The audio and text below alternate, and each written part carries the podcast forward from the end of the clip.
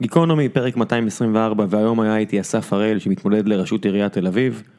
אסף הוא בעל אה, קריירה טלוויזיונית מאוד עשירה, הוא אחראי לאחת מהסדרות היותר מוצלחות שהיו בעיניי בטלוויזיה הישראלית, הפרלמנט, אבל לא רק, להרבה אחרות גם.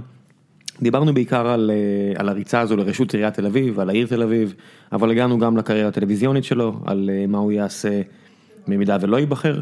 ענינו על שאלות מהקהל, היה יופי של פרק, ולפני שנגיע אליו אני רוצה לספר לכם מעט על נותני החסות שלנו, שכמו אסף גם מגיעים עם המון המון המון כוונות טובות. הם מנסים לפתור את אחת מהבעיות הכי גדולות שיכולות לקרות לאדם, וזה שבץ. לא יודע אם אתם יודעים או לא, אבל שבץ אינו אחד מהגורמים המובילים לנכות. מוות והוצאות רפואיות בעולם, הוצאות רפואיות גדולות בעולם המערבי. בארצות הברית לבדה, כל 40 שניות מישהו לוקה בשבץ, ובכל 4 דקות מת אדם משבץ. בשנת 2015 אושר טיפול מהפכני לשימוש במקרה שבץ קשים, צנתור המוח. אה, אני אפילו מכיר אדם שמאוד קרוב אליי שעבר את הטיפול הזה, ואני יודע עד כמה ההבדל יכול להיות בין מי שעבר או לא עבר את אותו טיפול. ביצוע צנתור בפרק זמן קצר לאחר אירוע שבץ מגדיל משמעותית את סיכויי החולה לשרוד ולחזור לחיים עצמאיים לאחר השבץ. למרות היעילות המדהימה של הטיפול, ברוב מקרי השבץ החולים לא מקבלים את הטיפול, או לחילופין אינם מקבלים אותם בזמן. הם סיפרו לי סיפורים מדהימים על כל מיני עיכובים כאלה ואחרים, ואמרו לי שהסיבה לכך היא מחסור בכוח אדם מיומן, במדינת ישראל לדוגמה ישנם 11 אה, מצנתרי מוח בלבד. בעובדה שרוב החולים לא מגיעים לבתי החולים המרכזיים, אלה בתי חולים פריפריאליים שאין להם את המיומנות, כוח האדם או הציוד לבצע את הפרוצדורה. הדבר מוביל לעיכובים משמעותיים שבסופו של דבר גורמים למוות או לנכות של החולה, ואני לא יודע אם אתם יודעים או לא, אבל נכות כזו היא מעמסה על המשפחה, פסיכולוגית, כלכלית, נפשית, כלכלית, כמו שאמרנו, מכל זווית אפשרית באמת קטסטרופה גדולה.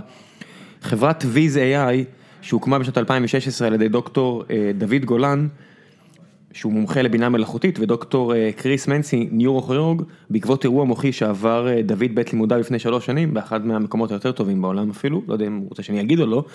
החברה גייסה עד היום כמעט 30 מיליון דולר מקרנות מובילות, שבין השאר אפילו כוללות את גוגל והרבה אנשים שקשורים לגוגל. ויז מפתחת את ויז LVO שמוביל מהפכה באופן הזיהוי והטיפול בחולי שבץ. במקום להמתין דקות ארוכות לפענוח אנושי של סריקות ה-CT, החברה מייצרת מסלול מהיר שבו הסריקות מפוענחות באופן אוטומטי ומהיר, ובמקרה של זיהוי שבץ המערכת מתריעה ישירות לטלפון היד של המצנתר, מציגה לו תמונה תלת-ממדית של ה-CT כאילו היה בתוך בית החולים, ובכך המוצר חוסך זמן רב ומאפשר לערב את הרופא הנכון ובזמן הנכון, על מנת להעניק לחולה את הטיפול המיטבי בזמן המהיר ביותר. עכשיו אני מקריא לכם את זה, אבל כשהם הראו לי את זה, תקשיבו, יש הרבה מוצרי מובייל בעולם, ויש את המוצר הזה שעושה שינוי עצום, אין שינוי גדול יותר שהוא יכול לעשות אצל החיים של המשתמשים שלו. המוצר מתבסס על טכנולוגיות חדשות בתחום הבינה מלאכותית, בלב המוצר נמצא אלגוריתם לומד מסוג רשת ניורונים שדיברנו עליו בכמה פרקים, אפילו ממש לאחרונה, שאומן על ידי חשיפה לביג דאטה של סריקות CT ופענוחים של רדיולוגים, רדיולוגים מומחים, והוא לומד בעצם לזהות מקרה שבץ בסריקה בדיוק רב, זה בעצם הגליק הגדול פה. בפברואר 2018 בהחלטה תקדימית של מנהל המזון והתרופות האמריקאי, ה-FDA, אושר המוצר לשימוש קליני שגרתי. בזאת בעצם הכריז ה-FDA כי הוא רואה את המוצר כיעיל ובטוח לשימוש.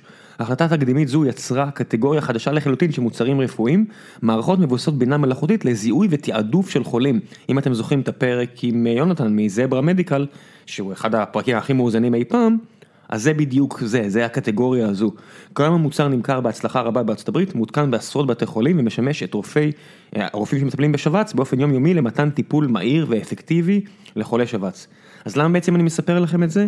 כי ויז מגייסת היום מפתחות ומפתחים שהצטרפו לצוות הפיתוח שגדל אה, מיום ליום של החברה הזו.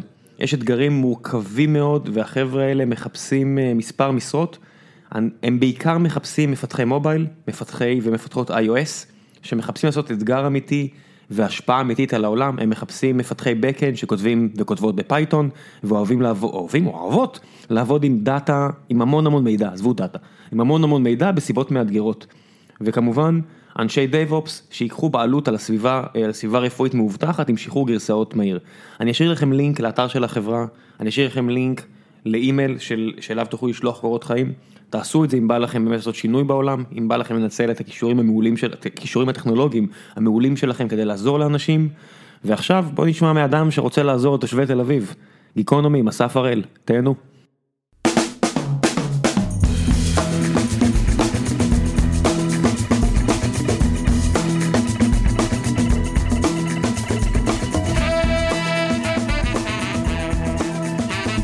223, איתי הבוקר אסף הראל.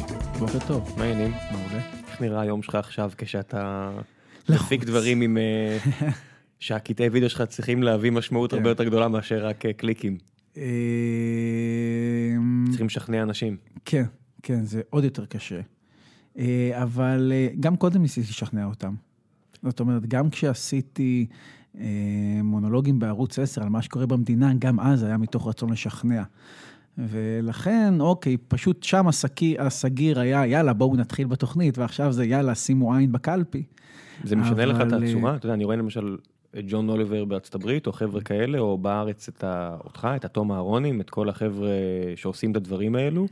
ואני אומר, כשאתה מעביר מסר נורא אה, חד, אתה אומר לעצמך, מי שלא מסכים איתי, fuck it. כן, וכשאתה אה, רץ לפוליטיקה, כן. או כבר פוליטיקאי ורוצה להיבחר מחדש, יש פה איזושהי גישה אלטרנטיבית שאולי גם אלה שלא מסכימים איתי, אולי אני גם צריך לדבר איתם, כי אולי יום אחד הם כן יסכימו איתי. אה, תשמע, אני, אני מנסה להיות נאמן לאופי שלי, וזה להגיד את הדברים ש, שאף אחד לא אומר בצורה ברורה, אה, לא ליפול למלכודת היאיר לפידית של אה, לנסות לח, לדבר לכולם, כמו ש... אבל אתה יכול לראות את זה, גם בטלוויזיה הוא ניסה לדבר לכולם. זאת אומרת, מי שבאופי שלו מחפש את הקונצנזוס ואת הפריים טיים, יהיה ככה בטלוויזיה ויהיה ככה בפוליטיקה. מי שבטלוויזיה, לצורך העניין, אה, מביא אמירות אה, אה, ברורות, אה, ערכיות שכן לא פוגעות אה, בכולם. אז ככה הוא גם יהיה כפוליטיקה. בסופו של דבר אתה מביא את עצמך, גם למסך וגם לבחירות. אצל יאיר לפיד זה, אתה יודע, בוא נגיד עם יאיר לפיד, אני לא חושב שהרבה הופתעו, אבל כשלידו אדם שפעם היה מאוד תקשורתי ומאוד חד וברור באמרה שלו, ואפילו כשהוא התארח פה, כן. אתה יודע, שאנחנו מדברים, כשדיברנו עם עופר שלח פה, שהמיקרופון קבע כן. וכל מיני כאלה, אתה יודע, בן אדם יש לו מטרה. כן. המטרה שלו זה לשים את חבר שלו בכיסא הכי. גבוה, או לחילופין כמה שיותר גבוה, ובשביל זה הוא מוכן לסתום את הפה כשצריך, כן, משהו שהוא לא עשה לפני כן. נכון. אז יש אנשים, אה, זה לא בהכרח מה שהיה הוא שיהיה ומה שיהיה הוא שהיה. נכון, אמ, באמת שלח הוא אחת האכזבות שלי כשאני מסתכל על הפוליטיקה. אני נורא נורא קיוויתי שהוא כן ישמור על ה... אני מאוד אהבתי לקרוא אותו, מאוד אהבתי לשמוע אותו, הוא עדיין איש מאוד מעניין, אני חושב שהבחירה שלו בעיניי אמ, היא מוטעית. אתה יודע, אולי לימים הוא יוכיח ש... שהיה שווה לשתוק כל כך הרבה שנים בשביל אה, להגיע לכיסא. אני פשוט חושב שהחברה שלנו במצב כזה שכל מי ששותק... אה, יש לו חלק בהידרדרות. הלוואי, הלוואי וזה יוכיח את עצמו המהלך שלו. כרגע זה נראה הימור מוטעה. תשמע, זה- יכול להוכיח את עצמו רק אם באמת בגישה מקיאווליסטית שכזו, זה עובד רק אם יש לך את הכוח, ומהבחינה הזאת אני יכול לכבד את זה. ואז גם כי- השאלה מה הוא יעשה עם הכוח, כי התחושה שלי שאם אתה מוותר על לדבר בדרך לשם, סיכוי סביר שתוותר גם כשאתה שם. כי אתה תרצה לשמר את הכוח, ולכן אתה מוותר לכל יש נטייה האורך. טבעית של אנשים באמת לשמר את הכוח, מה שעוזר למשל זה שינוי שיטות כמו בארצות הברית, שפשוט אם מגבילים לך את הכהונה אז יש לך יותר סיכוי, אתה יודע, ואומרים לך, טוב חבוב, נכון. אתה עוזב לאחר מכן, נכון. אז ראינו אנשים אפילו כמו לינקולן וכאלה, הם אמצע המאה ה-19 שהיו נוהגים לדבר לקהל בדרום כמו שרצו לדבר על עבדות, ואז בקהל בצפון אמרו, בטח מה, אנחנו הולכים להילחם בעבדות, אבל פוש קאם טו שב עשה את זה, אולי ממניעים כלכליים, אולי לא, אבל, והרבה, אתה יודע, אני רואה הרבה, אם אתה מסתכל על ההיסטוריה, הרבה אנשים ניצלו את העובדה שהם פשוט עשו מה שצריך כדי להיבחר. באמת, מקיאווליזם כן, כן. בגישה... כן. כן, זה אפילו, אני לא יודע אם זה מקיאווליזם או איזשהו יצר הישרדות אה, בסיסי של אנשים שרוצים להישאר אה, בעמדות כוח. אה, או כן, להגיע חב- אליהן מלכתחילה. כן, להגיע ולהישאר זה אותו drive, וחבל שהמערכת באמת לא, ב- בישראל לפחות, אה, אה, אה, לא מגבילה את הכהונות אה, בשלל תפקידים, זה לא רק, לא רק בפוליטיקה, בכלל תפקידים ציבוריים. אתה יודע, יש את הדיבור על זה, על, על, על קרנות הקולנוע ועל התיאטראות. זה פה מינוי, מינויים בארץ זה לכל החיים. דווקא בבית משפט העליון, שאצלנו, אה, כמו בכל מדינה, הוא כן. זוכה להרבה אש, דווקא זה אצלנו אנשים יורדים מהכיסא ובארצות הברית, אם אתה מצליח נכון. איכשהו להיבחר, נכון, תמות שם, אתה יודע, תישאר שם עכשיו 40 שנה, תשנה את אופי, המ- אופי המדינה לעד פחות או יותר. נכון. אה, היית חושב שבתל אביב זו בעיה? אתה, אתה חושב שחולדאי עשה עבודה יותר טובה ועבודה, ואיכות העבודה יורדת, או שאתה חושב שלאורך כן. כל הדרך העבודה לא מספיק טובה בעיניך? לא, אני חושב ששתי הקדנציות הראשונות שלו היו הרבה יותר מוצלחות. אני חושב שהוא הגיע... תשמע, אתה, אתה מגיע עם רעב ועם רצון לעשות, ויש את הציטוט הזה תמיד, שהסרטון של ביבי שרץ, שמה שלא תעשה בשתי הקדנציות הראשונות שלך לא תעשה. עכשיו, זה לא, אתה יודע, זה, זו כותרת אה, מאוד אה, מכלילה, אבל אני חושב, בוא נגיד על ארבע קדנציות, אפשר להגיד את זה, כן, מה שלא עשית בארבע קדנציות, אה, אה, לא תעשה. אני חושב שנגמר הכוח בשלב מסוים. אתה נהיה מותש, החזון כבר, אתה כל כך רואה את המציאות וכל כך לא רואה מה יכול להיות, אתה כל כך מכיר את הקשיים וכל כך לא רואה את הפתרונות, שכבר אה, זה מאוד מאוד קשה בעיניי להמשיך לחדש ולבוא עם אנרגיות אחרי 20 שנה, זה בלתי אפשרי בעיניי. אני חושב שהעיר אה, עברה, אה, בוא נגיד, יש לנו טייס בראשה, אז הוא כבר על טייס אוטומטי לגמרי. רוב האנשים שהם עושים משהו 10, 15, 20 שנה, נכון. זה נהיה טייס אוטומטי, כי אתה נכון. עושה את זה בצורה אוטומטית. גם כשאתה נוהג, לפעמים אתה יודע, אתה מוצא נכון. לך, וואו, נהגתי בחמש דקות האחרונות, כי כן. זה בא לך בצורה כן, טבעית. כן, ככה אנשים נרדמים, ככה קורות תאונות, וזה בדיוק אה, מה שקורה לעיר. כן, אתה חושב? איפה אתה, אם אתה חייב לשים את האצבע על הדבר שהכי, וראיתי את הסרטונים שלך, אתה כן. יורה באלכסון על הרבה כיוונים. כן. אם אתה חייב לשים את האצבע על הדבר שאתה חושב שעצם העובדה שיש מנהיג או ראש עירייה שהוא על אוטו פיילוט. אז איפה אתה חושב שזה הכי אה, פגע בסיכויי העיר לשגשג יותר? מכל בחינה, לא רק כספית, סתם. לא, תראה, אני חושב ש... שנגיד עניין התחבורה, אה, זה דבר שהוא בהתחלה חשב לפתור והוא איבד את הכוח ויאללה. הוא לא, הוא לא בא לרפורמה בתחבורה, ועכשיו אנחנו משלמים את המחיר. הוא קצת דיבר על להוציא את המכוניות, אבל לא עשה שום דבר באמת אה, בנדון. כל מגדל ממשיך להיבנות עם אה, חמש קומות אה, חניון, המכוניות עדיין מקבלות עדיפות בכל רחבי העיר, שבילי האופניים מצוירים רק על בסיס מקום פנוי, אין באמת תשתית. 15 מיליון שקל לדירה, אתה רוצה חניה? אין, כן, כן, כן, זה לא נכון, עובד ככה. נכון. אני אפילו לא אומר את זה, אני אומר את זה בסרקזם, אבל זה נכון. אז אולי הדירה לא צריכה לעלות 15 מיליון, אולי כן. הדירה צריכה להיות יותר קטנה. אתה אומר להגביל את היכולת של ה... אני אומר לשנות קונספט. אני גר בבניין בלי חנייה. אין לי אוטו. אני חולק אוטו עם אח שלי, עם אימא שלי, לאימא שלי יש חנייה, הוא עומד שם. כן, weekend, אימא שלי נוסעת בו, weekend אח שלי נוסע בו, weekend אני נוסע בו. כן, ככה, ככה מי שגר במרכז העיר מתנייד עם, אה, צריך בעיניי, אני רוב הזמן על אופניים וטוסטוס. כן, זה המחיר של לגור אה, אה, במרכז העיר. הולכים לעבודה הרבה פעמים ברגל, יש יתרונות, יש חסרונות. לא מחזיקים אוטו, ואני חושב שיותר ויותר משפחות בתל אביב צריכות לעבור, צריך לייצר להם פתרונות. של תחבורה ציבורית חכמה, אמיתית, לא יודע אם דיברתם פה על ויה וסטארט-אפים כאלה. אז רק השבוע היה פה את ערן שיר מנקסר, שאחד אוקיי. הדברים שהוא מנסה לפתור זה בדיוק עניין הזה של התאונות דרכים, כן. ואחד המפתחים פה, אח שלו, אלגוריתמיקאי ראשי של אז כן. משפחת ויה כן. והפתרונות שלהם שמנסים לפתור מאוד קרובים. תשמע, אנחנו מדברים על סטארט-אפ nation ועיר חכמה, פשוט זה רק כותרת, בפועל זה חתיכת עיר טיפשה. ומלוכלכת. מלוכלכת וטיפשה. באמת, זה מי שבאמת מבין מה זו עיר חכמה, יודע כמה תל אביב עיר טיפשה. היא לא מנצלת, מבחינת תחבורה, מה זה, אנחנו במקום כל כך מיושן ומקובע. וכשאתה מסתכל על מה שקורה היום בעולם, עכשיו מתחילים לבנות את הרכבת התחתית, בחייאת. אתה יודע, כבר אפשר להבין, כל החפירות ומה שהולך להיות זה כל כך מיותר, התחבורה כבר כל כך לא שם. אנחנו הולכים לעידן של רכבים אוטונומיים, מה אתם עכשיו חופרים? איפה אתם חיים? מה, מה אתם עושים את כל הקווים הקבועים האלה, שאנחנו מבינים היום שאלגוריתם יודע להביא בן אדם לפי נתיבים, להתאים את זה? לא יודע, אגיד לך, הבן אדם שנמצא בראש חזית תעשיית הרכב, כן. אילון מאסק, שלחפור מתחת לעיר דווקא טוב, כי מתחת לעיר כן. אין הגבלה של ציר Z, אתה יכול לעשות כמה מפלסים והכל, כן. אני לא בטוח שזה כן. מה שיקרה פה, אבל תאורטית כן. אני לא בטוח שלחפור זה רעיון רע. תראה, יש את שאלת המחיר. זאת אומרת... אלטרנטיב אה, קוסט, מה היינו עושים עם הכסף אחרת? לא, לא, לא רק כסף, מה, מה יעבור על העיר ב-15 שנים הקרובות של החפירות האלה? זה שווה את זה? תסתכל מה קורה עכשיו, זה לא הולך, זה לא חפירות של שנה, לא של שנתיים, לא של חמש. כל העיר הולכת לעמוד 15 שנה בשביל לייצר תשתית לטכנולוגיה שהולכת ומשתנה לנו מול העיניים. אמ, כי באמת, אני אומר לך, כל החשיבה, גם של חולדאי וגם של הממשלה, על עירוניות ואורבניות, פשוט מיושנת.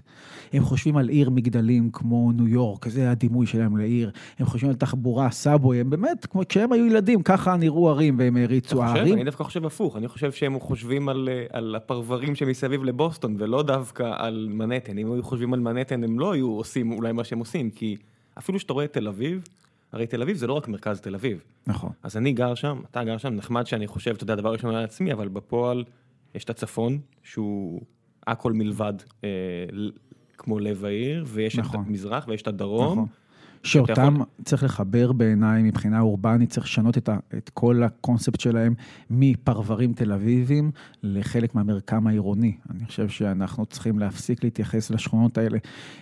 תראה, כל מה שקורה מעבר לאיילון, כל הדרך אה, התחבורתית היא רק דרך מכוניות. תחשוב, אין לך שביל אופניים אחד. יש שמונה גשרים שמובילים למזרח, ואין אחד אפילו לאופניים. אין אחד בצל להולכי רגל. הגשר הנוכחי המדובר הוא בדיוק זה. שדרות יהודית המדובר. כן. אבל מה, מה, מה, אתה עושה גשר חדש, עכשיו שמונה קיימים. מה, עכשיו אתה עושה לי בסדר להייטק, מאוד נחמד, אבל יש לך שמונה קיימים, אפשר בבקשה שיהיה צל ונתיבי אופניים בהם? זאת אומרת, כל כך לא מעודדים, העיר לא מעודדת הליכה רגלית אה, משום מקום שהוא לא הלב.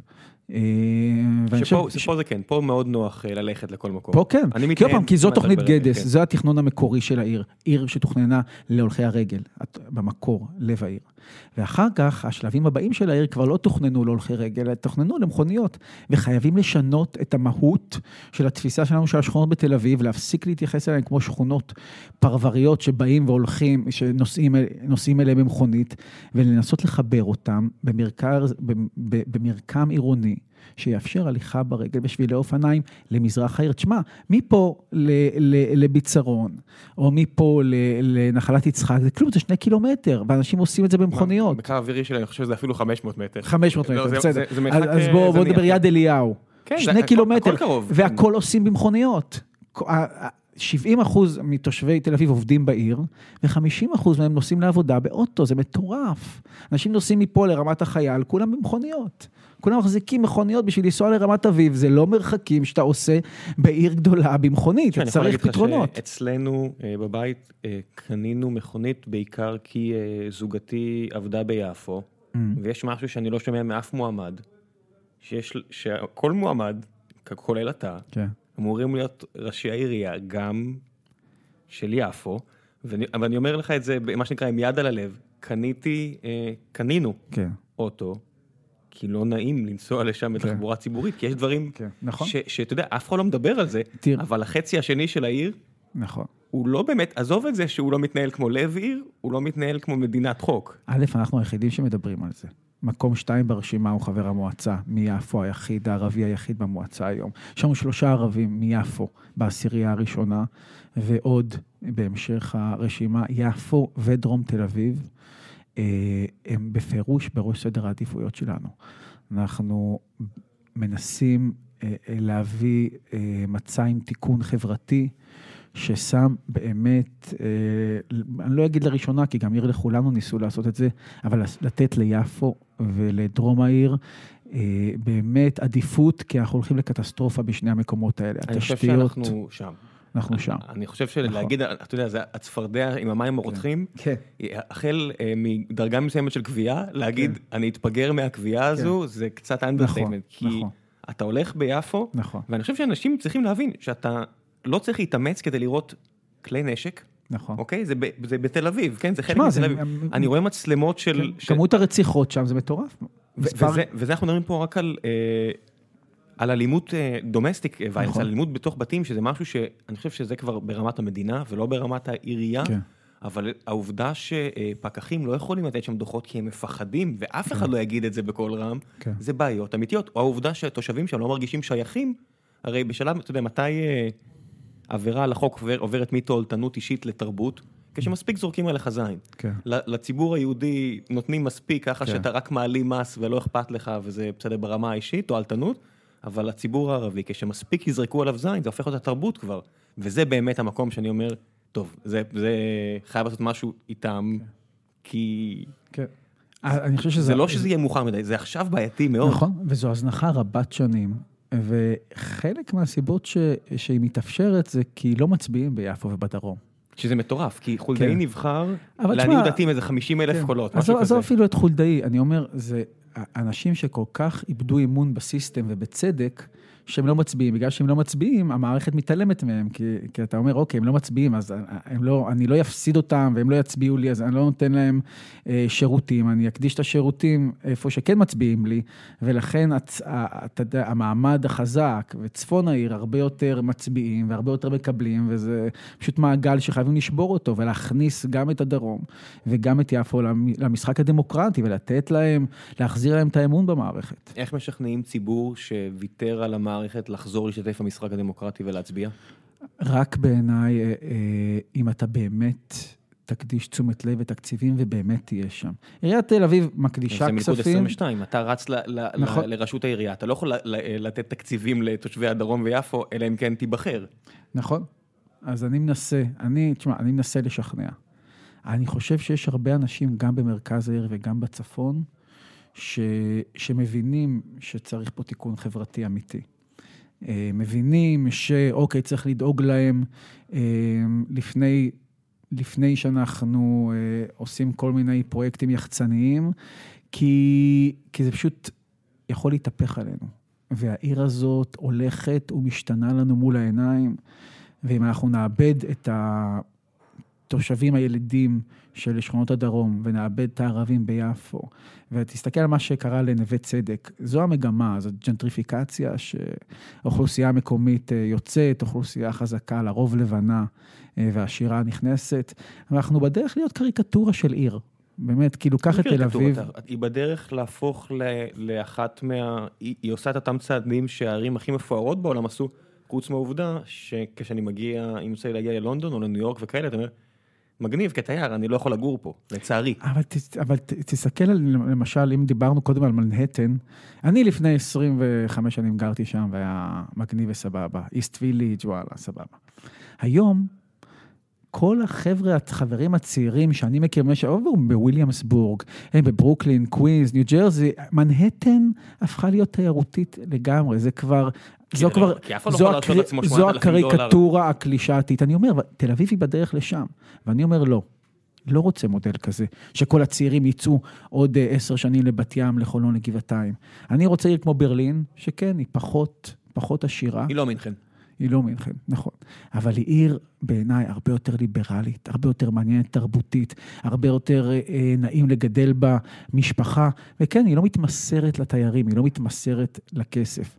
ובגלל זה אני אומר, צריך להבין, תל אביב אין לה את, אה, את וויליאמסבורג וברוקלין וקווין, זה בת ים וזה, אנחנו בדרך לאבד את כל האנשים האלה בעשורים הקרובים, אם לא נשנה מגמה.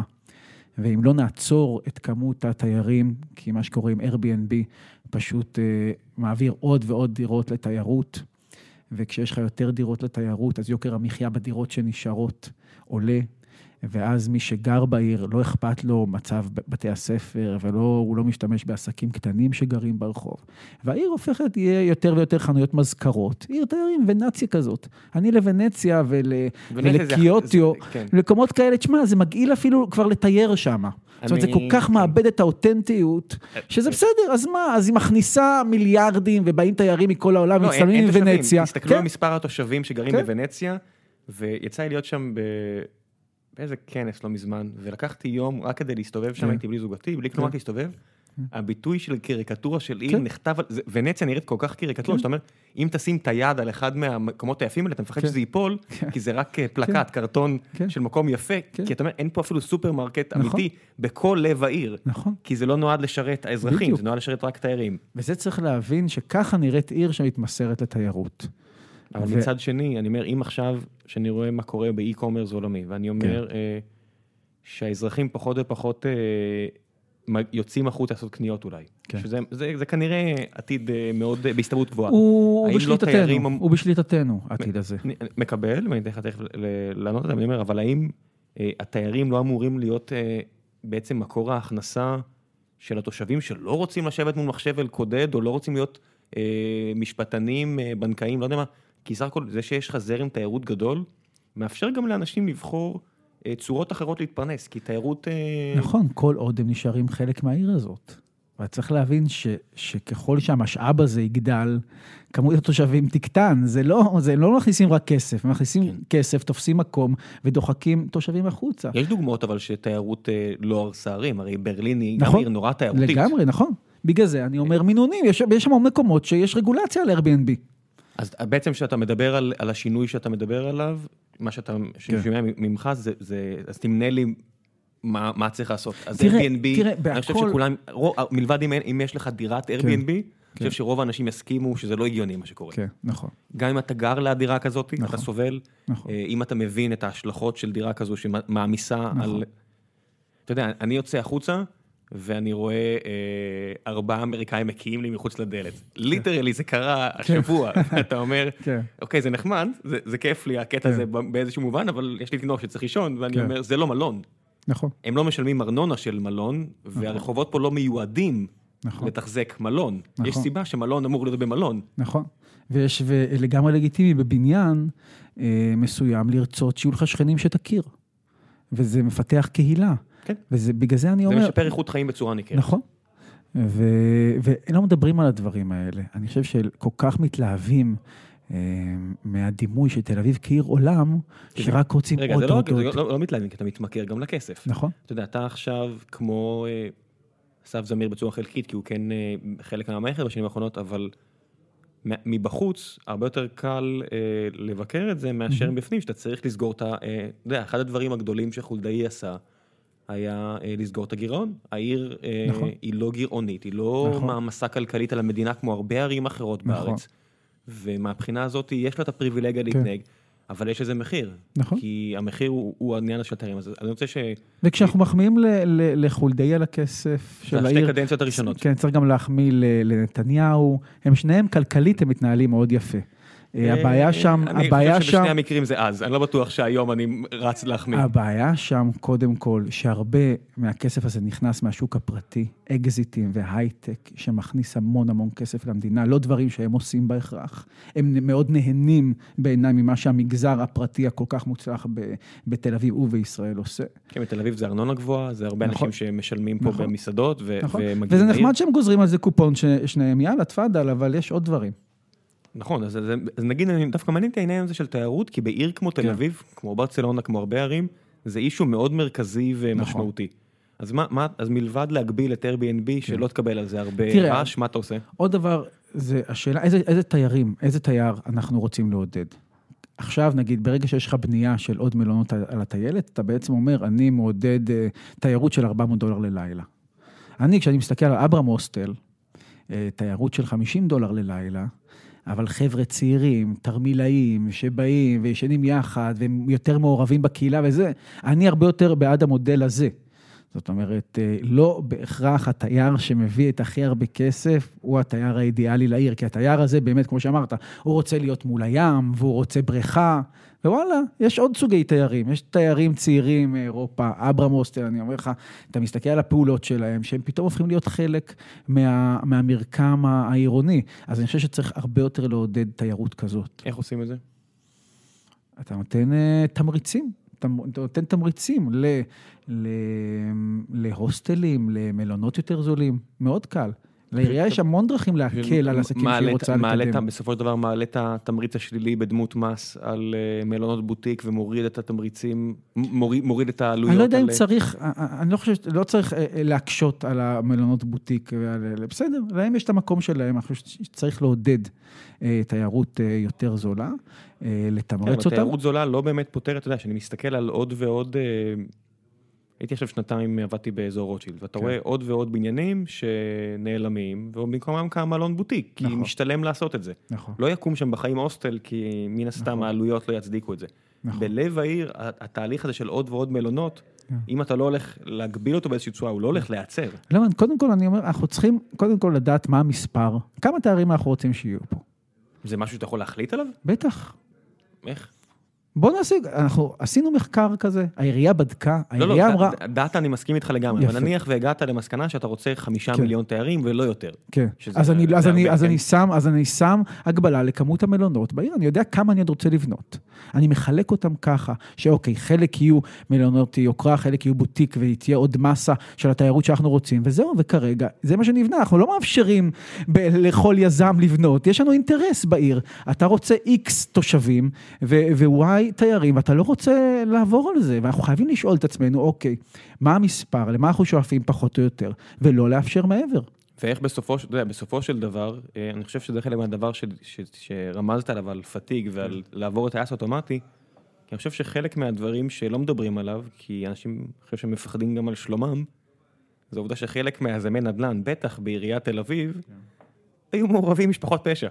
דברים, לכו חפשו בארץ כתבות ולכו תמצאו את השמות, אני לא אגיד אותם כי חבל על הברכיים שלי או על, החשבון הבנק שלי, כן. אבל חולדאי וחבריו היו צריכים להתמודד פה כן. עם יזמים שלא רק אה, אה, מאוד אגרסיביים, בוא נגיד, בשיטות אה, מיקוח שלהם, אלא העובדה שהם עבריינים. הבעיה פה היא, היא בסופו של דבר צריך לבצע, שאתה מתעסק עם, עם, עם קבוצות אינטרנט, אני לא אומר עכשיו, אני, הטייקונים הגדולים הרבה יותר מדאיגים אותי. אתה כשאני חושב? מסתכל על קובי מימון ועל תשובה, כשאני מסתכל על קובי מימון ועל תשובה, הם הרבה יותר מדאיגים אותי. מאיזו בחינה בתל אביב? כי הכוח שלהם, תראה, מה שקורה בגבעת עמל, ב', ומה שקורה בתחנה המרכזית החדשה, יש פה מאבקים על הון, באמת מיליארדים, פרויקטים ששווים הון. הדולפינריום, כן? הדולפינריום הוא, הוא קצת סיפור שונה, אה, למרות שבוכמן קיבל, עשה, אה, קיבל שם מלא כסף על מה שהיה צריך להיגמר ב-60 מיליון, או להלאים ממנו את הפרויקט. והוא, בגלל שהוא תרם לאורך שנים, אני חושב שחולדאי, יאללה, הלך לקראתו, ויאללה, בוא... חושב? כן. אני חושב ש... ש... אני אחזור על זה תכף, אבל בואו נסיים את מה שרצית אוקיי. להגיד על גבעת עמל אני והכל. חושב ש, שיש פה שאלה עקרונית, איך העיר מתנהלת מול יזמים אה, שמזניחים נכסים שלהם, אה, האם העירייה הולכת איתם לבית משפט ולמלחמה, ומנסה אה, אה, לייצר פה תקדימים, או שהיא זורמת איתם ואומרת, יאללה, בואו ניפגש באמצע. היית רוצה שתל אביב תראה כמו איזה ציריך או משהו כזה, שבה כל בניין חייב שיהיה את האדנית וחייב להיות צבוע כל חמש שנים? כי אני מת על תל אביב, כן. אבל לפעמים אני תופס את עצמי, בעיקר כשמגיע מישהו מחו"ל, ואתה מסתכל, ואני אני אספר את הסיפור הזה, שוב, סיפרתי אותו כבר, שיש אה, חבר הפוד, אלון בדות, מישהו שמאוד קרוב לליבי, והגיע מישהי מהמשפחה שלו, מטקסס, מהמשפחה אה, החדשה, והגיע לראות איפה הוא וזוגתו גרו, ואני מקווה שהוא לא כועס עליי שאני מספר את זה, אבל היא ממש נפלה על ברכיה והתחילה לבכות, אמרה, אתם גרים כמו אנשים עניים. הוא אומר לה, לא, זה נורא יקר פה. תראה, תל אביב נורא מוזנחת. יש הרבה בניינים. שהם נראים נורא. נכון. היית, היית מכריח אנשים לשפץ? כי יש הרבה מדינות בעולם שזה כן. ככה, שלא, אל תצעקו לי פה קומוניסט, כן. ואני יודע שאתם עכשיו ממלמלים את זה, אבל זה במקומות היפר קפיטליסטיים כמו כן. שווייץ, בירת הקפיטליזם מלבד ארצות כן. הברית כנראה, שמכריחים אותך לצבוע את הבניין כל העשר שנים, כן. אחרי אתה מקבל קנס, מכריחים אותך לשים מדענית כלשהי, כי יפה בעין לראות צמחים, כן. ותשלם על זה. אני חושב שאתה נוגע פה, פה בשאלה מהותית שמתעסקים בה באדריכלות, למי שייכת החזית של הבניין? האם החזית של הבניין שייכת לבעלי הבניין או למרחב הציבורי? אני מסכים איתך שהחזית של הבניין לא שייכת רק לבעלים. במובן הזה תל אביב חייבת אה, לדאוג לחזות העיר. איך עושים את זה, אני לא יודע, לא בהכרח, אה, אתה לא בהכרח אה, צריך אה, לחייב, כי יש אנשים שאין להם כסף. לא, זה ימוטט כלכלית, אבל, אני לא חושב אבל ש... פה, אבל אני כן אגיד לך, ופה אני אגיד לך מה, מה, מה, מה גישתי. ואני מכיר את זה מהבניין, יש לי דירה בבניין, אז אני מאוד מכיר את, ה, את הצד הזה. בבניינים יש הרבה מאוד זכויות. אתה יודע, יש זכויות בנייה. אתם לא יכולים לשפץ את הבניין. אתם לא יכולים אה, אה, לעמוד בחלק שלכם לטובת הציבור ב, ול, ולשיפור פני העיר, בסדר. אז האחוזים יעברו אלינו. אתם לא צריכים להוציא. כסף, אז אנחנו, אה, העירייה, העירייה תדאג לשיפוץ? העירייה תדאג לשיפוץ, והעירייה תקבל את זכויות, את הזכויות על המבנה אם אתם לא בונים ולא משפצים, ואנחנו נבנה ואנחנו נמכור, וגם ככה נייצר אה, דיור בר השגה. אבל אז מה, תמ"א 38 יהיה של העירייה? אם לא יהיו יזמים, כן. העירייה בעצם יכולה להתחיל לבנות, אה, שלא למטרות רווח, אלא רק למטרות אה, הגדלת הדיור בעיר. אה, לבנות ולמכור, לא כדי אה, לייצר רווח. לבנות, למכור, לשפץ את החזית ולבניין הבא. בעצם רק כדי לת, לתחזק כלכלית את הפרויקט הזה. כן. ומה לגבי העובדה שהעיר נראית כמו גוש של קקי, על, על, אתה יודע, לי יש שני כן. כלבים. כן. ואני מודה שבצורה מאוד קאנטית, כן. אם, אם יורשה לי, אני רואה לפעמים אנשים, ואני מצטער כן. שאני מוריד לך ככה כן, לרמת כן, כן, הטקטי כן, קרקע, כן.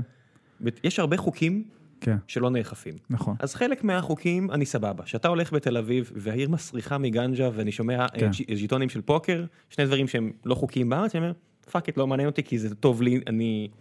אין לי בעיה עם קנאביס, ובלשון המעטה, ואני אוהב פוקר, אז כן. אין לי בעיה שלא אוכפים, כן. בצורה מאוד צבועה. אנחנו בעד יש, קנאביס, בואו, לא צריך... הרבה, אה, כן, ויש כל כן. כך הרבה חוקים אחרים שהם קיימים, החוק כן. קיים, אבל לא כן. אוכפים. כן. זו הדוגמה לעייפות בעיניי, אני לא יודע אם אתה זוכר, תל אביב הייתה הרבה יותר נקייה. כשחולדאי, לא אז כשחולדאי היה, כשחולדאי נכנס, אה, היה לו הרבה יותר אה, כוחות, הוא השקיע בזה הרבה יותר, תל אביב הייתה הרבה יותר נקייה, זה ממש עניין של השנים האחרונות. הלכלוך ברחובות, זה שאי אפשר ללכת. זה באמת, העיר נהייתה מזוהמת, ובתקופת חולדאי הייתה הרבה יותר נקייה. זאת אומרת שזה מראה לך, כשראש עיר אה, מכוון מטרה ורוצה לשפר את זה, הוא יכול לעשות, וכשהוא מפסיק לראות את זה, הוא לא הולך ברגל, חולדאי. הוא לא רואה את הרחובות. כן. הוא בא עם הנהג שלו לעירייה וחוזר, הוא לא יודע מה זה. לנסוע, הוא, הוא יכול להיות שהוא חושב שיש תשתית אופניים, אולי הוא חושב ש, שהדברים האלה שהוא צייר באבן גבירו לעובדים ובטוחים, יכול להיות, הוא לא יודע את זה, הוא לא יודע מה זה ללכת ברגל. כן, כשאתה נוסע מהצפון לאבן גבירול עם נהג באוטו ממוזג, העיר נראית מהממת. אני חייב להגיד לך, כמות הפוליטיקאים... גם לא מריחים את הרחובות יש ככה. יש מלא פוליטיקאים שאני רואה, שהם, אני פשוט רואה אותם ברחוב. כן. ראיתי, אני חושב שאני לא יודע מה אבי גבי עושה בימינו, אבל זה נראה כאילו הוא גר ברחוב, רואה אותו הזמן עובר פה כנראה מאירוע כן. לאירוע, שהוא כנראה עושה את העבודה הפוליטית שלו. כן. ואהוד ברק גר פה איפשהו, אני תמיד רואה אותו מסתובב כן, פה עם, גבירול. עם איזה כובע יפה כזה, עם מלא סטייל, מלא פוליטיקאים שהיו בעמדות כוח, או עכשיו בעמדות כוח. איך זה לא עובר להם מול העיניים שלא הגיוני שמדינה תראה ככה, ושהעיר הכי חשובה במדינה, ומצטער שאני אומר את זה, אבל זה האמת, לצד ירושלים, שהעיר הכי חשובה, השנייה הכי חשובה, תראה ככה. נכון. זה לא הגיוני בעיניי. כן.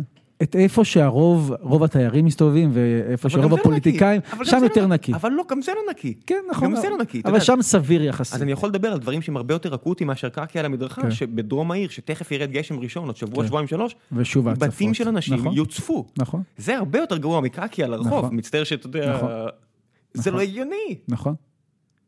וזה, אתה יודע, וזה... יהיה פה מהומות, זה, אתה יודע, זה, זה ברמה שאני אומר... חזון העירייה, יש מסמך שנקרא חזון העירייה שחולדאי מתהדר בו, התוכנית האסטרטגית של העיר. ובמסמך הזה, אמרתי את זה באחד המונולוגים, הם אומרים שאם הדברים לא ישתנו, העיר הולכת לגטואיזציה, לשכונות של אלימות ופשע. דרום תל אביב בדרך להיות פאבלה אחת גדולה, אלימה. הרציחות שיש עכשיו ביפו רק יגדלו, הם יגיעו לדרום. אם לא נעשה משהו, זה עוד ועוד חיי אדם, נשלם את המחיר הזה.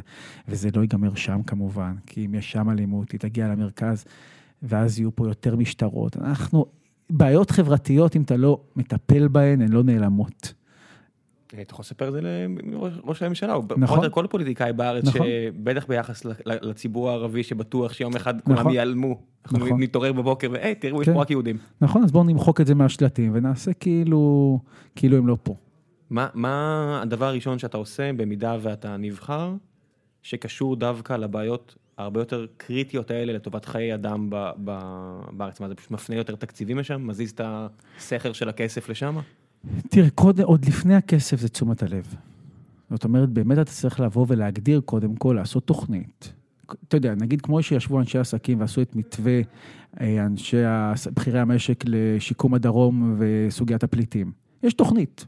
יש תוכנית שקיימת, אוקיי, מה, מה צריך לעשות בפועל? אם אתה רוצה מחר, אם יש לך 250 מיליון שקל, מה עושים? ואז הם מתייחסים לכלל הבעיה. זאת אומרת, מבינים שצריך אשרות עבודה, שירגישו בטוחים, להבין את החסמים בדיור, למה הם לא יכולים לשכור דירות, דירות ברחבי הארץ, להבין שצריך להפש... הם מבקשים מהם ביטחונות ואין להם חשבון בנק, אז הם לא יכולים, כל מיני, אתה צריך להבין פה את, את סך, את סך הבעיות, ואז להציע פתרונות. דבר כזה, אנחנו חייבים תוכנית כזאת לדרום וליפו, תוכנית מאוד ספציפית, שצריך קודם כל, לפני שמעבירים כספים, להבין, באמת לרדת לשורש העניין. ביפו זה לא רק יהיה, זה, לא, משטרה לא תפתור את זה אם לא יהיה חינוך, אם אתה לא תיתן מענה. לילדים ונוער, שעות אחר הצהריים, לא תיתן שם מתקני ספורט, אה, תרבות. אז, אז כן, אז, אז, אז הם ילכו, אה, יבחרו אה, לא בבחירות האלה, הם ילכו, יתפתו לחיים אחרים. אבל חייב להתחיל בגלל זה שתהיה מסגרות חינוך, שיהיו מסגרות אחר הצהריים, שיהיו תשתיות, שיהיו תקציבים, שיראו אותם, שתהיה זהות ערבית אותנטית, שהם לא יורגשו אה, מוזנחים ומודרים מהעיר הזאת. וזה שינוי שאתה חושב שאפשר לעשות בקדנציה? בזמן יחסית מועט? כי זה נראה לי מסוג הדברים, אתה יודע, אתה מגיע... כמה זמן לוקח ליצור את הפירות? לא, לא בקדנציה. זה בטוח לא, אבל אני חושב שאתה, מה שאני מנסה לשאול זה שאתה מגיע למקום כמו עיריית תל אביב, ולפני הכל, אתה הבוס הישיר, כן. אני חושב שזה המעסיק הכי גדול בארץ. הכי גדול. אני לא יודע כן. בארץ, אבל... לא, אני חושב שזה המעסיק הכי... גדול. מעל עשרת אלפים, תלוי איך אתה סופר את זה, כן. אני מוריד את כן. המשרדים, את ביטחון, חינוך אה, וכאלה, אוקיי, כי זה משרדים ציבוריים אה, ממש ממשלתיים. אז מהבחינה הזו, אני חושב שיש שם יותר עובדים מאשר אינטל, יותר מאשר כל המקומות הגדולים.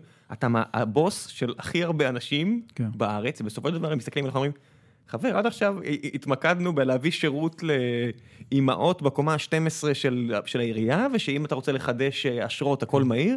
עשינו את זה טוב, מה, מה אתה רוצה מאיתנו עכשיו עם כל הערבים אני... האלה בדרום וה, והחבר'ה בגבעת? אז אני רוצה, אז אני בא... אנחנו לא ערוכים לזה, זה לא התפקיד שלנו. נכון, אז אני אומר, תשמעו, אנחנו עכשיו מנצלים את הכוח המדהים של העירייה הזאת, ואת כל מה שלמדתם לעשות בצפון העיר ובמרכז העיר, ועכשיו יש לנו אתגר אדיר, ובעצם להכניס למערכת הזאת עוד חצי עיר, שעד עכשיו התעלמנו ממאה. שהפניות 106 אה, מיפו יקבלו את אותו מענה.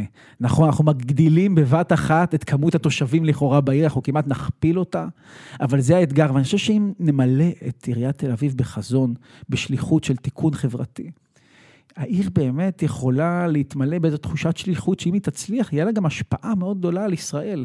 כי אני חושב שתל אביב היא הסמן, לצורך העניין, החילוני, הדמוקרטי, הלכאורה צודק, וכשהיא מתעלמת מהחלש, כשהיא מתעלמת מהאוכלוסייה הערבית, אז מה, איך לנו להלין על, על שאר המדינה? אין, אי אפשר להתעלם מהדבר של אנשים כמו ארז תדמור וכל מיני כאלה, שהם, בוא נגיד, לא ימין טיפש, בלשון המעטה, כן. חבר'ה שקוראים כן. ומשכילים, אומרים, אתם לא יכולים להיות ליברלים, וזו טענה שאני נוטה, נוטה להסכים איתה.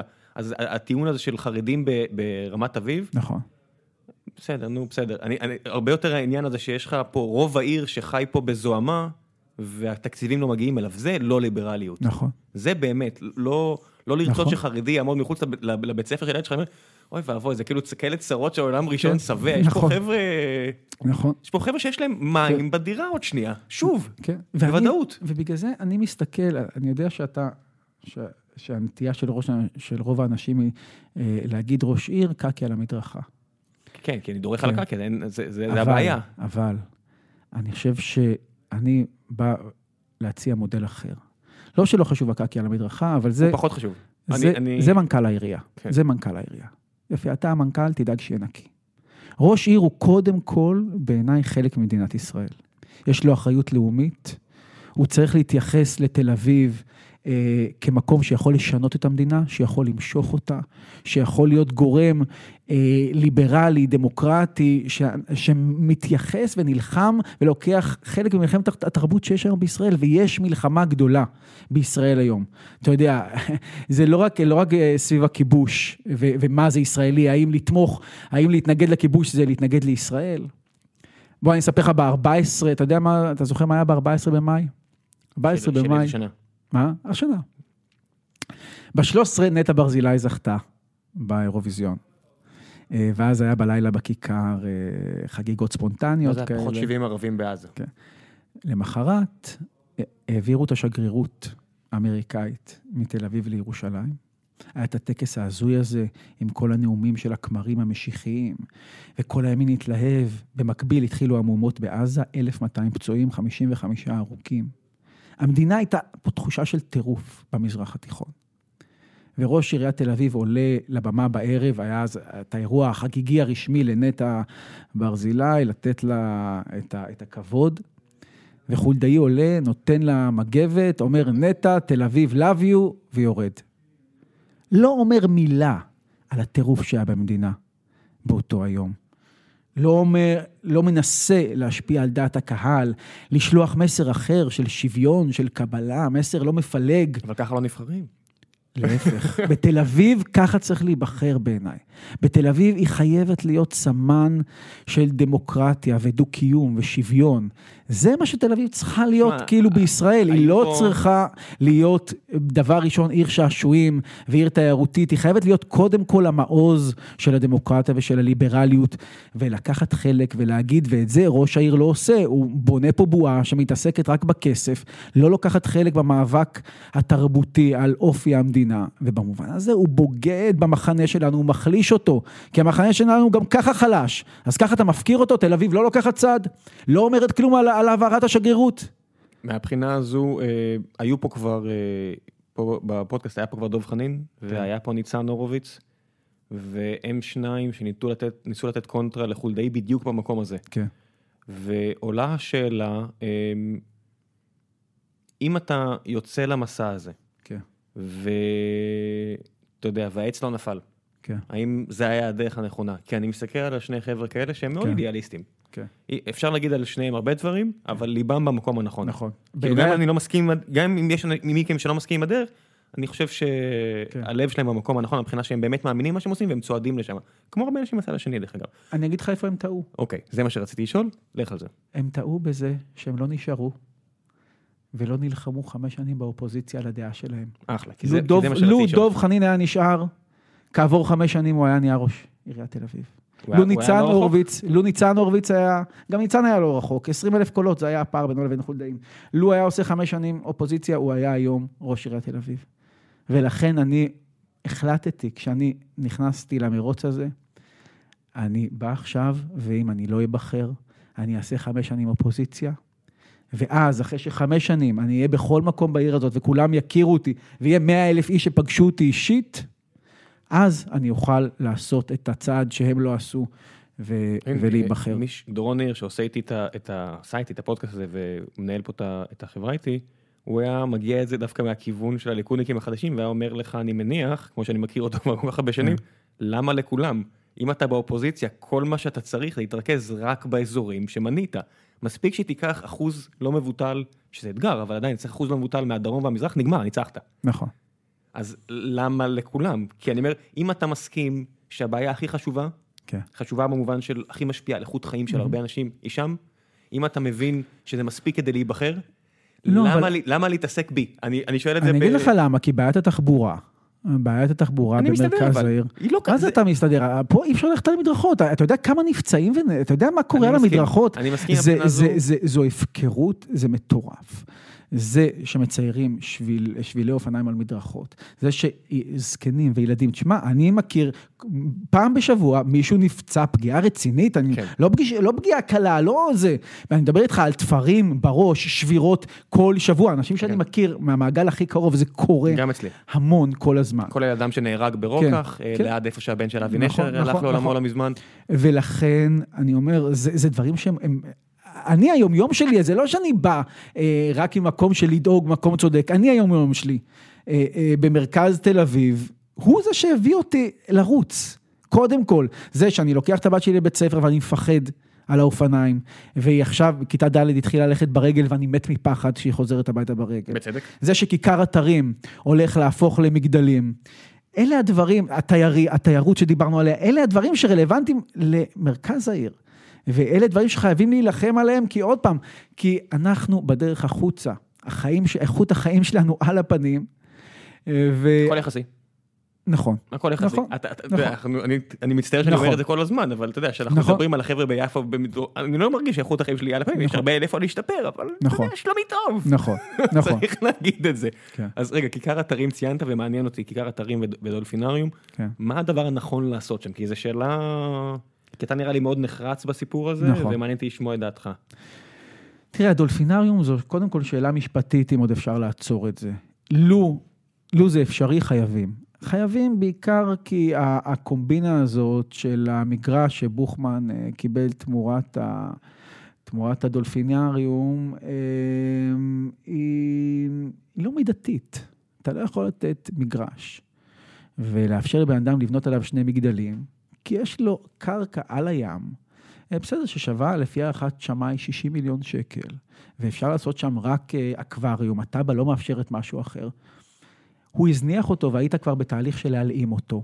למה נתתם לו כזה? אתם רוצים לבנות שם בסדר, אתם רוצים, אני חולק בכלל גם על הצורך לבנות שם מלונות, אבל נגיד ורוצים לבנות שם מרכז טסים ומלונות, תעשו מכרז.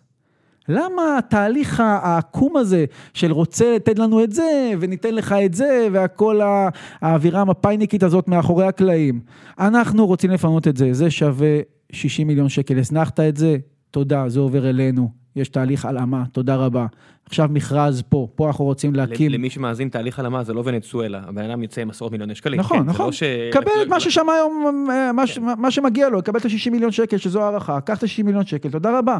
מה נתנו לו פרס ששווה מעל מיליארד שקל? למה? כי רוצים יאללה, שהתהליך ילך מהיר והוא ימכור את זה בקלות, אחרי שהוא הזניח את המקום הזה. כנ"ל כיכר אתרים. אה, היזמים, הבעלים שם מזניחים ומזניחים, כדי, מחכים לבונוס, בדיוק כמו שקורה בתחנה המרכזית החדשה, מזניחים, מזניחים, ויאללה, כדי שזה יהיה מפגע. אם זה יהיה מפגע יהרסו, יהיו מגדלים, ויאללה, זה, זה כבר כסף גדול.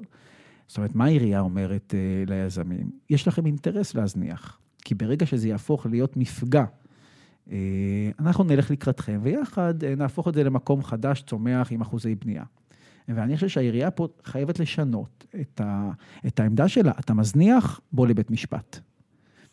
בוא, אנחנו רוצים להלאים. מי שמזניח את המקומות שלו בעיר, יאללה, בוא. בית המשפט לא ראוי. כי זה מגיע לעניין של אכיפה ו... נכון, ושפיטה נכון, נכון, אבל יעילה יותר. אם רוצים לשנות סדרי עולם אה, בעיר, אז אתה חייב, כן, צריך לקוות. אני מאמין שתראה, זה, זה, זה, זו טובת הציבור. אני מאמין שבית המשפט ילך עם עיריית תל אביב, יש לה כוח, יש לה מחלקה משפטית אדירה, שכרגע מתעסקת בשטויות, במקום להילחם בטייקונים, במקום להילחם במי שמזניח ובאמת יכול לעשות שינוי בעיר. ואם פעם אחת ננצח, ואני לא יודע אם זה יהיה עם, אה, סביב התחנה המרכזית או כיכר אתרים, פעם אחת היזמים יבינו שיש תקדים, שמי שמזניח, אה, ייקחו לו את הנכס, הכל ישתנה. אתה מאוד לעומתי לאנשי עסקים, במובן של עיר גדולה אולי לא חייבת להיות כזו לעומתית, אולי יש מצב שגם איש העסקים מרוויח וגם הציבור מרוויח. לא, מעולה, מעולה. כי אתה אומר להילחם בטייקונים, אני אומר, אני מבין איפה אתה, מה אתה אומר, אבל בסופו של דבר יושב איש עסקים ואומר, רגע, למשל כמו uh, מיץ' גולדה, אומר, כן. למה לא לתת לי לבנות אצטדיון נורמלי, מקורה, כן, נכון. נורמטיבי, מודרני, למה כן. העירייה צריכה לעשות את זה? למה לא איש עסקים יעשה את זה? הוא ירוויח. כן. האזרחים ירוויחו אצטדיון יותר כן. טוב. למה הכל צריך להיות uh, נורא מקובע? להפך, פה, פה דווקא אין התנגדות במקום הזה. אמ, צריך כמובן להבין למי, של מי הקרקע, של, של מי ה... זה, אבל כן, האם תל אביב צריכה להקים עוד אצטדיון למכבי? בטח, בעיניי. בלומפילד נראה לי טבעי שיישאר אדום, נקים למכבי אצטדיון חדש, כן. לתל אביב יש בעיה של עתודות קרקע אמנם, אבל אני חושב שאם מסתכלים על אזור אה, צומת גלילות שם, במקום הזה, בפאתי עתידים, שם יש מקום בעיניי לאצטדיון נוסף. כן, פארק אריאל שרון, אני חושב מזמן היה יכול להיות גם אצטדיון, שם, אה, נכון, נכון. לא, לא, זה שיש לך גוש של אה, צואה על, על העיר, זה לא אומר כן. שהוא חייב להיות שם. מהבחינה הזאת, אני, אני מבין מה שאתה אומר, ואני רוצה לתת לך דוגמה אחרת. כן, כאחד ש... ככל, עם כל שנה שעוברת אני מבין שאני מבין פחות. כן. אז ראיתי למשל את כל הסיפור שאז עם הטיילת. וכל יום הייתי עובר שם, אני מאוד אוהב לרוץ שם, ללכת שם, ואני אומר, איזה באסה, לקחו לי את הים. כן. ואז הם סיימו לבנות את זה, כן. ואני אומר, איזה מטומטם הייתי, זה ממש נפלא נכון. המקום הזה. אני לא התנגדתי לטיילת. כי הרבה אנשים התנגדו, נכון. וכל המילות גנאי האלה נגד חולדאי, וידה ידה יש אנשים ידה. שמתנגדים אוטומטית לכל דבר. אני לא מאלה. הרבה שמים אותך שם, אתה יודע את זה. בסדר, הרבה לא מקשיבים ולא מבינים תכנון עירוני ולא... לא, אבל שמים אותך כי את- אתה, שמו אותך בקבוצה הזאת של אלדד יניב, אה, שהוא, שאני מודה שאני מאוד מחבב אותו ברמה כן. האישית, אני מכיר אותו, וכל מיני כאלה, שהם אנטי אוטומטי. כן. אנטי הון, אנטי זה. ו- אני לא אנטי הון ו- ואני לא אנטי כל דבר שחולדאי עושה, אני אנטי הרבה דברים שהוא עושה. ואני גם אומר, הוא עשה דברים מאוד, תשמע, כל מהפכת השדרות, זו מהפכה שהוא חתום עליה. עשתה נפלא לעיר. וגם התיירות וגם התשתית שהוא בונה והמגדלים וזה, הוא עושה דברים נפלאים. אבל נגיד, הוא מצד אחד, הוא יודע, הוא מאוד מאוד טוב בתשתית, והוא מאוד רע בתוכן ובמהות. הוא יודע לבנות, והוא לא יודע מה צריך להיות זה שם. זה נשמע כאילו אתה צריך אה, להיבחר ולתת לו על שמו איזה סדירה. כי זה מה שהוא היה אוהב, וזה מה נכון. שאתה היית. נכון, אבל תשמע, תסתכל על נגיד על אה, שרונה, התחנה, נמל תל אביב, הוא יודע לבנות את זה, ואז זה בנוי, והוא שם בזה את כל התוכן הלא נכון. כל מה שהוא יודע לעשות זה לעשות איזה אה, אה, העתק הדבק של אה, יאללה בוא נשים שם קפה לנדבר, בוא נשים שם גלידה, צומת ספרים וחנות אה, בגדים. אני לא יודע איפה זה הוא ומה זה מנכ"ל העירייה, או כל מי שאחראי או אמון על זה כל... חזון. כן. את מי משרתים המתחמים האלה? חולדאי בא ואומר, בואו נעשה מתחמים לכל, לכל תושבי הפריפריה שבאים לתל אביב, הם באים בסוף השבוע, הם באים בערבים, יאכלו במסעדה ויחזרו. ואני, כשאני מסתכל על תחנה שהיא מטר מהבית שלי, ואני לא מגיע לשם, לא תגיד יום, אף פעם אני לא מגיע לשם. קח את התחנה, תעשה ממנה מרכז תרבות מזרח-מערב. כי היא יושבת בול על החיבור של תל אביב-יפו. בואו נעשה תרבות, מרכז תרבות ישראלית ערבית, מזרחית מערבית. תעשה שם חדרי חזרות, לתזמורת האנדלוסית, לזמר, אתה יודע, אה, אה, למוזיקה אלטרנטיבית, גלריות, ריקוד, הכל. אם זה היה מרכז תרבותי, כל העיר הייתה מגיעה לשם באופן כן. קבוע, אנחנו היינו יכולים להיות שם כל שבוע. בצורה מאוד עקומה. במקום זה אנחנו הולכים לתדר, למקום פרטי שעושה את ההופעה של אום כולתום, למה שזה לא יהיה מקום בתקצוב עיריית תל אביב? הדבר המדהים הוא שזה גם כלכלי. אני תמיד מביא את הדוגמה של אה, אח של אה, רוני מאנה. כן. אה, כנראה האח הפחות אובססיבי, מויש שיותר עסוק בלבנות דברים. כן. אז שהוא קנה הרבה עתודות קרקע בג'רזי, אם אני לא טועה, באזור של ניו ג'רזי.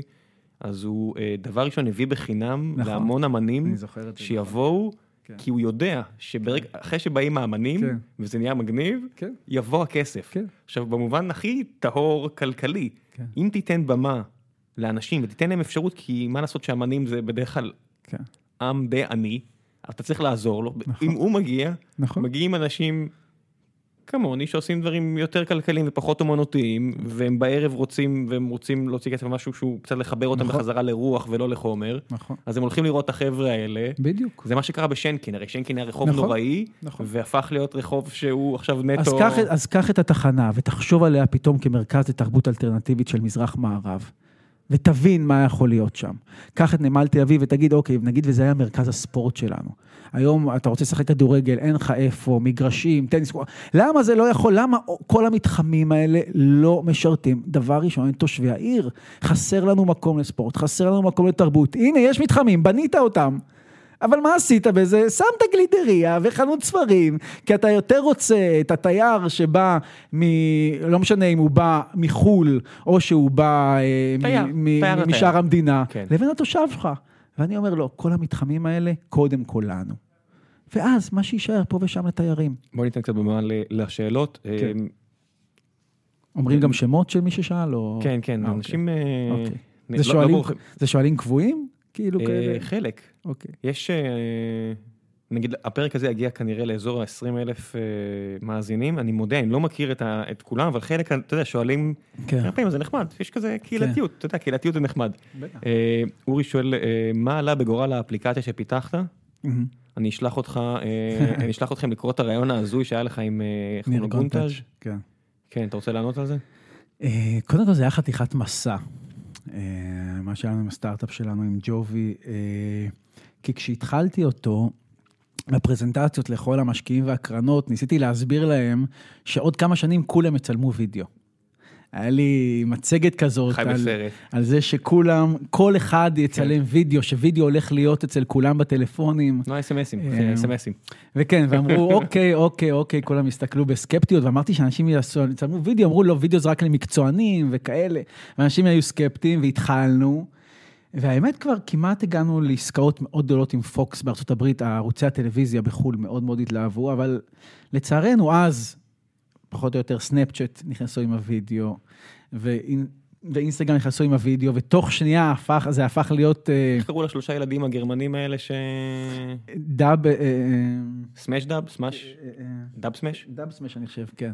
כן, נפגשנו כן. באיזה כנס נכון, נכון בגרמניה. נכון, נכון, ב-DLD. וישבנו כמה שורות נכון. מהם, והסתכלתי לך, אמרתי לך, היית צריך עוד אתה, אה? נכון, לגמרי, זה היה הרגע הזה, הם באמת לפי דעתי היו האחרונים. הם היו לא הסטארט-אפ האחרון. לא, גם הם זהו, כן. תשמע, זה נגמר בשנייה שהגדולים נכנסו, הם היו האחרונים, מהרגע שסנאפצ'אט ואינסטגרם עם כל הפילטרים ועם כל הזה, שמה זה אין. הדבר היפה הוא שאני רק אתמול הייתי באיזה פגישה, לא משנה עם מי, שאומר לי, וואו, סנאפצ'אט ממש בצרות, אנחנו מנסים לעזור להם, אבל הם ממש בבעיה מול כן. הגדולים. אני אומר, כן. הם במה מול, הם שווים עשרה מיליארד דולר, אחי, שיסתדרו. כן, כן. אבל... אז אז התחלנו, הגענו למקום הנכון, אבל מאוחר מדי. אני חושב שהיה לנו כלי שלו היה שורד... אה, מה גרם לך לעזוב מקום שאתה כל כך טוב בו? אתה אחראי בעיניי לסדרה אולי הכי טובה, הקומדיה הכי טובה שנעשתה פה. מה עבר עליך ש... עברת לעשות את המשחק הכל כך הרבה יותר קשה הזה, לא לא בא לך, אתה יודע, אני אשאל את זה בצורה כן. הכי אה, כנה. כן. אתה לא אוהב להצליח? כאילו שאתה נכנס ליזמות, שאתה נכנס ל- לפוליטיקה, כן. רוב הסיכויים שתיכשל. אתה יודע את זה. נכון, אבל יש בזה קודם כל משהו נורא מאתגר. יש משהו נורא נורא מאתגר ב, בלהתחיל שוב אה, מלמטה, ו... ו... תשמע, אני, הזכרת את DLD, אני, כשהתחלתי את הסטארט-אפ, אז ובאתי, אה, אה, נפגשתי עם אנשים, וכל מיני אנשים ש... שהכרתי, והזמינו אותי ל-DLD הראשון שלי, ואני זוכר שנכנסתי, מה, בתל אביב? כן, זה היה בתחנה כמובן. אה, נכנסתי, אה, נכנסתי פנימה, לא הכרתי אף אחד. הלכתי, הלכתי, לא ידעתי מה לעשות, הלכתי עד לבר, שתיתי קפה, חיכיתי שם, כן, לא, לא ידעתי מה, קורה. לא יודע, חשב, לא יודע, כן. חשבתי שאני אכיר פה וזה. שנה אחר כך, שנה אחר כך, שבאתי שוב ל-DLD, נכנסתי, עד שהגעתי לקפה, לקח לי שעתיים, מרוב שלום, אהלן, מה העניינים, זה, כל זה המשקיעים. קהילה כל- חזקה. קהילה שאתה, ברגע שאתה נכנס וברגע שהתחלתי להכיר את האנשים במשך שנה ולפגוש, פשוט אז פתאום אתה, זה כמו קיבוץ, אתה נכנס ואת- ואתה מכיר את כולם. זה כמו בזה- קיבוץ מינוס המבוגרים שנוגעים בילדים בלי רשות. לא הייתי יודע, לא הייתי אומר מינוס. אה, אה, אני לא- אנחנו- נכון, כן, אה, כן. אלא אם כן את ילדה, כן, גם על זה לא כן, מדברים. נכון. אה, זה- אבל, אבל זה, זה הייתי מאוד, רוצה יש שהווייב משהו... שיש בקהילת היזמות כן. בארץ, שיחלחל החוצה. הלוואי. אני חושב שזה, תשמע, קודם כל, אה, אה, זו קהילה אה, כל כך יותר מקצועית וחיובית מכל מה שקורה במדינה, זה מדהים. זה לא סתם, מה שאמרתי לך קודם, שחולדאי וביבי צריכים להגיד להם תודה, כי הם בעיניי מייצרים פה באמת את התשתית הכלכלית. זה כבר 20% מהמשק. נכון, נכון.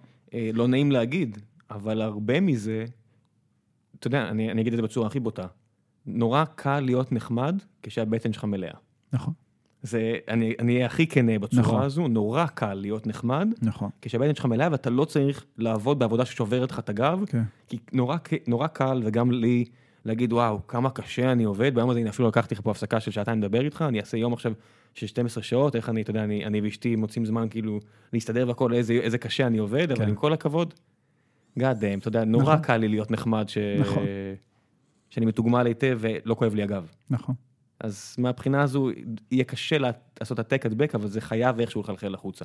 כן. זה כן מחלחל החוצה, שהרבה אנשים שאני רואה, וזה כיף לי לראות את זה, שאחרי שהם עשו אה, הצלחה עסקית שהם לא צריכים יותר לעבוד בחיים שלהם, אמרתי, רק השבוע ישב פה ערן שיר, שאני לא נכנס לו לכיס, אבל אני יודע שהוא הצליח בחייו, והנה הוא במקום להיות משקיע, לא שזה רע, הוא הולך ומקים משהו שיעזור לפתור את בעיות התאונות דרכים, באמת מנסה, כן. לא בצורה צינית, כן. באמת מנסה כן. לפתור בעיה, זה די מדהים. כן. כן, זה מסוג הדברים אני חושב שנותנים עוד משמעות. אתה, אתה, בסופו של דבר, כשאתה צובר איזושהי השפעה, איזשהו כוח, אה, אתה גם רוצה אה, לעבות את זה בעוד משמעות, בעוד, אה, בעוד דברים שיכולים אה, ליצור שינוי אמיתי. לפני שנעבור לשאלות הבאות, אני רק אשאל, לא, אתה לא מתגעגע למקום הזה שבו אתה on top of the game? אה, לפעמים כן, בטח. אגב, אם אני לא אבחר, אז אני הולך לעשות סדרה מאוד גדולה בהוט. אה, מהאופוזיציה? כן. אפשר... אה, כן, זה לא- חברות לא- במועצה, אתה בהתנדבות, אה, אתה אמור להמשיך להתפרנס, אלא אם כן אתה נכנס לקואליציה ואני לא רואה אה, סבירות כזאת. אה, כן, אז- אחרי כל מה שאמרת, אתה לא חושב שהם יציעו לך... לא, וגם אם יציעו, אני לא מאלה. מה זה לא מאלה? אני לא מאלה ש... תראה, אני לא מחפש את הג'וב, אני לא רוצה להיות סגן ראש אבל מה זה עיר ג'וב? בסופו של לענייני... דבר, אה, תפקיד ציבורי זה לא רק ג'וב, זה גם באמת אפשרות להשפיע. נכון, אבל אני רוצה באמת להשפיע. באמת. חולדאי היה השבוע בלונדון וקירשנבאום, הוא אמר, אצלי, אני ראש העיר, אני ריכוזי, אני, הוא, הוא ניסה להקטין את אסף זמיר, אז הוא אמר, אני מחליט את כל ההחלטות, אני עושה, אני ריכוזי, אני לא נותן לאף אחד, וזה נכון, הוא באמת לא נותן לאף אחד כלום, ולכן אי אפשר הוא לשבת אומר איתו. ראש עיר או ראש עירייה? אה, הוא ראש, הוא עומד בראש העירייה, אבל אומרים ראש עיר. כאילו, הביטוי הוא כבר, אה, תשמע. דווקא עליו הייתי מצפה ש- שיגיד את הביטוי הנכון, אבל יכול להיות כן. שאחרי מספיק שנים הוא הוא באמת חושב שהוא ראש העיר. כן. שיהיה לבריאות. אה, הוא נראה- הוא נראה לי בן אדם נחמד, אני חייב להודות, לא יצא לי אף פעם לדבר איתו, אני מכיר את הבן שלו, שהוא בן אדם נחמד, כן. נכון, אני לא... נכון, גד אה, אחלה בן אדם. כן, אה, אני מה שנקרא, נכון. לא... נכון. גם חולדאי, תשמע, הוא נחמד עד שאתה מעצבן אותו, ואז הוא יכול להיות... ביחס אה, לראשי ערים אחרים בארץ, הנה משהו שצריך לשים על השולחן, ואני שומע את הרבה, כן. והייתי שמח לשמוע דעתך לפני שנמשיך הלאה. אה, כל פעם שיוצא לי להגיע, ל, ל, נגיד לקחת מונית לפגישה או משהו כזה, כן. מישהו יגיד לי חולדאי מושחת. ותמיד אני מעלה את הטיעון, כמו עם הנחיתה על הירח, לרוסים היה מלא, כן. אינטרס לגלות שזה שקרי, ואני אומר, כן. יש הרבה אנשים שרוצים לדפוק את חולדאי. כן, עד היום לא הוכיחו שהוא מושחת. נכון. אתה חושב שכן? תשמע, אני, אני מסתכל על סגני, על, על הסגנים שלו, ואני, בוא נגיד, התרבות השלטונית שלו, בין אה, נתן וולך, שהורשע ויושב איתו, וארנון גלעדי מהליכוד, סביבו יש מושחתים. גם, סביבו, גם ראש הממשלה שלנו, אתה יודע, כולם ידעו חוץ ממנו. אני אנשים שהם אבל הוא. מואשם, אנשים- בנימין נתניהו מואשם בדברים. אני לא, אני לא סופר אה, אה, אה, אה, רק, רק את מה בית משפט אומר, אם בן אדם, אה, אם בן אדם אשם או לא. אתה צריך לראות גם את התרבות השלטונית שאתה מייצר סביבך.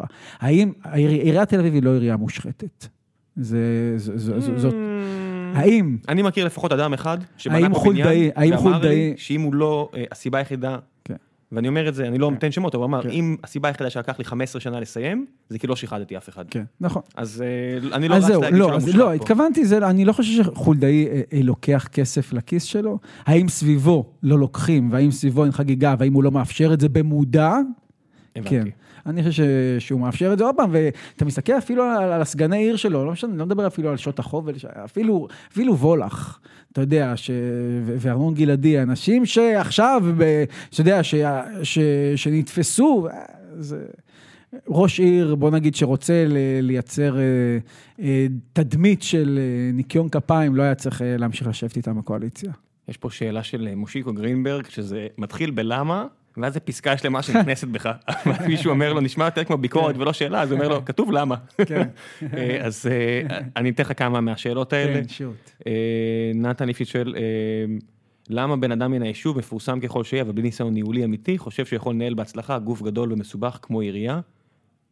זו השאלה? כן, אני חושב שכמו שאמרתי, יש הבדל, קודם כל, בין מנכ"ל העירייה, שצריך באמת להיות איש מנוסה ומנהל את זה בפועל, לבין ראש העיר שקודם כל צריך להתוות את החזון, לאן הולכים.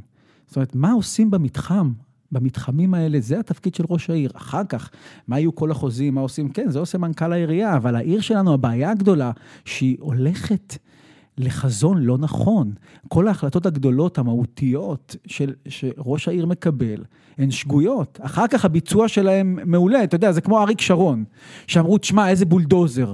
כן, אבל בולדוזר, אבל מה? אז הוא בנה, אז הוא בנה עשרות אלפי אה, אה, יחידות בשטחים, אז מה? מה עוזר לנו בולדוזר כזה, אם הוא בונה את הדברים הלא נכונים? בסופו של דבר בולדוזר זה כלי, מישהו צריך לסובב נכון. את ה- את העגל לכיוון נכון. הנכון של הכף. בדיוק. ובגלל זה אני אומר, התפקיד שלי, יש לי חזון. ביצועיסטים חזקים צריכים מישהו שיסמן אותם, יש לי חזון. יסמן להם. יש לי חזון מאוד ברור לעיר הזאת. אפשר לקרוא אותו באתר שלי, אסף הראל, co.il, חזון אורבני, חזון תחבורתי, חזבו- חזון עירוני. אני מציע אלטרנטיבה בכל תחום ונושא. אתה חושב שחמש שנים מהיום, כן, אחרי שאתה במועצה, כן. חמש שנים. מהיום אחרי שאני מסיים את הקדנציה הראשונה כראש עיר. ראש עירייה, אה, ככה או ככה, בסדר? אני- אני- כן. ככה או כך. ככה או ככה, אתה חושב שזה משתנה החזון הזה? כן, כן, כי דברים שתראה מבפנים ישנו אותך? כן. אני חושב שחזון כל הזמן מתעדכן, כל הזמן משתנה. זאת אומרת, כל הזמן, העיר, העיר זה יצור אה, חי ונושם. ונראה מה יהיה העבודות, בכל מקום אתה צריך כל הזמן להעריך אותו, אתה צריך לעדכן אותו כל הזמן. הערכים המ- המהותיים אה, של עיר לתושבים, אה, זה לא ישתנה. האם הפתרונות התחבורתיים של עוד חמש שנים, נדבר על תחבורה כמו שאנחנו מדברים היום? לא. כן, אי אפשר לדעת, אני לא, כן. לא, לא, לא נביא. אה, יובל רותם שואל מגרמניה, אני חושב שהוא עדיין כן. בגרמניה. אה, קצת post mortem, אבל לא היה עדיף שציפי ברנד והרשימה שלה יחברו אליך ולא אל אה, אסף זמיר? יש, דימ, יש הרבה דמיון במה שאתם אומרים, או לפחות באיך שאתם אומרים את זה. באמת יש, אני חושב, דמיון בין, במצע. רק שעשר שנים, אתה יודע, אסף זמיר אה, הצביע עם חולדאי על הכל, ועכשיו... לא, זה על ציפי, זה לא נכון, על אסף. נכון, אה, נכון. אתה אומר אה, מבחינתה. אני אומר, אני מסתכל, אסף ואני, אה, אה, יש דמיון במצע, אין דמיון בזה שכל הרקורד שלו מופיע, אה, אה, אה, מוכיח ההפך. לא, רגע, הוא שאל. למה אתה לא כן. חברת לציפי ברנד. זה אתה צריך לשאול את ציפי. הבנתי, זה ה... זה אתה צריך לשאול את ציפי. אה, אני חושב שיש פה שאלות צריך להבין. אסף חושב קואליציה, היה בקואליציה עשר שנים. סביר להניח שהוא וציפי יהיו בקואליציה. אני חושב אופוזיציה. אני חושב שזו, בסופו של דבר, אני לא רוצה להיות חלק ממנגנון שאני לא שותף ערכי. אני חושב שזה להיות מאוד מביך בין אסף זמיר ורון חולדאי, אם ישבו כן. ביחד בקואליציה. כן, שניהם התמודדו עם זה. שניהם אנשים, חושב? כן. אתה מאמין בתיאוריה כן. ש... מה? שזה מאורגן? שזה... אני, אני, אני חושב שאסף אה, לא רצה לרוץ, אה, והוא נקלע למרוץ הזה, כי פתאום הוא, הוא שמע שאני רץ ושסתיו רצה וכל הצעירים רצים, אז הוא אמר, טוב, אז גם, גם אני ארוץ. הוא תכנן לרשת חולדאי באופן טבעי. הוא אמר, אני אהיה לצידו עשר שנים, אני אצביע עם הכל, אני אהיה שותף להכל, אני אתן לו את הגב ויהיה יד ימינו, ואז בתום 20 שנה הוא יפנה לי את המקום ואני אגיד, אני היורש הטבעי שלו. ולו חולדאי היה פורש היום, אסף היה עושה קמפיין של אני החולדאי הבא, אני הייתי איתו בהכל, אני תומך בהכל, אני מסכים להכל, תתמכו בי. לא, אממה, תקשיב, הוא- הוא היה פה לפני כמה שבועות, כן. הוא אמר אה, פחות או יותר כן. שהוא מסכים הרבה דברים שחולדאי כן. עשה, הוא לא, הוא כן. מהבחינה אותי אדם מאוד ישר, הוא אמר, פשוט נגמר הסוס ואני רוצה כן. להמשיך את הדרך הזו. כן. הוא לא נגד לא. עכשיו הוא מדבר על אלטרנטיבה, עכשיו הוא מדבר פתאום בגבעת עמל. צריך לחדד צריך אלטרנטיבה, פתרונות. כן, אבל הוא לא אלטרנטיבה, כי הרי אתה מסכים איתו. הרי אם, אם הצבעת בעד גבעת עמל עד עכשיו, אז מה השתנה? אם אתה לא קידמת את התחבורה, אה, שבילי אופניים, ולא רק זה, עשית... אתה מתגאה בזה שבקדנציה הראשונה עשית אזור חנייה אחד, כי אתה בעד שייסעו במכוניות. לך עם זה עד הסוף, מה אתה פתאום מתחפש לאלטרנטיבה? אני, יש אנשים שמשנים את דעתם. אה, הוא אמר שהוא שינה את דעתו? לא, הוא מנסה ללכת בין הטיפות, אני גם שותף וגם, עזוב, הוא לא אלטרנטיבה. ואתה יודע, וסבבה, יש לך, יש לך זכויות, יש לך, יש לך רקורד של עשר שנים, תגיד, אני חולדאי אבל צעיר, סבבה. אני לא חולדאי, אני אלטרנטיבה, זאת צריכה להיות הבחירה בין חולדאי צעיר לבין, לביני. אני אלטרנטיבה, כן, אני באמת, תסתכל על הרשימה שלנו, מקום שתיים שלי מיפו, מקום שלוש מדרום העיר. כן, זו רשימה ששמה את ה... באמת רוצה להיות אלטרנטיבה, לא צפון, צפון, צפון, צפון, מרכז, צפון, הם כולם מרכז. איתך בראש של אה, אופוזיציה? כן. הם כולם, תראה, אנחנו, אנחנו, הפתרונות שחולדאי נותן עד היום, לכל השותפים שלו, הם לא פתרונות אמיתיים. אמיתיים. חולדאי לא מעניין אותו יפו והדרום כמו שהוא מעניין אותנו. הוא לא רואה תיקון חברתי, אין לנו מה לעשות בקואליציה של חולדאי, הוא לא מחפש שינוי, יש לו אג'נדה מאוד ברורה, הוא אומר אותה 20 שנה, יש לה רוב בעיר, בוא נגיד בקרב מי שמצביע, ו... וזהו, לא יהיה, לא יהיה שינוי עם חולדאי, רק איתנו. דור שואל, האם יש סיבה שיש רק אורחים שמתמודדים מתל אביב? אה, בשיא הכנות, כיוון שגם ככה הפודקאסט אה, גובה ממני הרבה זמן, אני מודה, פניתי לאנשים שמתמודדים בערים אחרות. אה, חלק מהסיבה נפל כי הם לא רצו, חלק נפל כי אני הייתי צריך לנסוע, לנסוע, לנסוע אליהם, ולצערי יש לי פחות זמן לדברים האלה, אז עמכם הסליחה. אה, זה אופורטוניסטי נטו של אנשים שפשוט המשרדים פה והם יכולים להגיע. אה, אורן לוי שואל, אה, מתי יהיה מסודרים שתיים?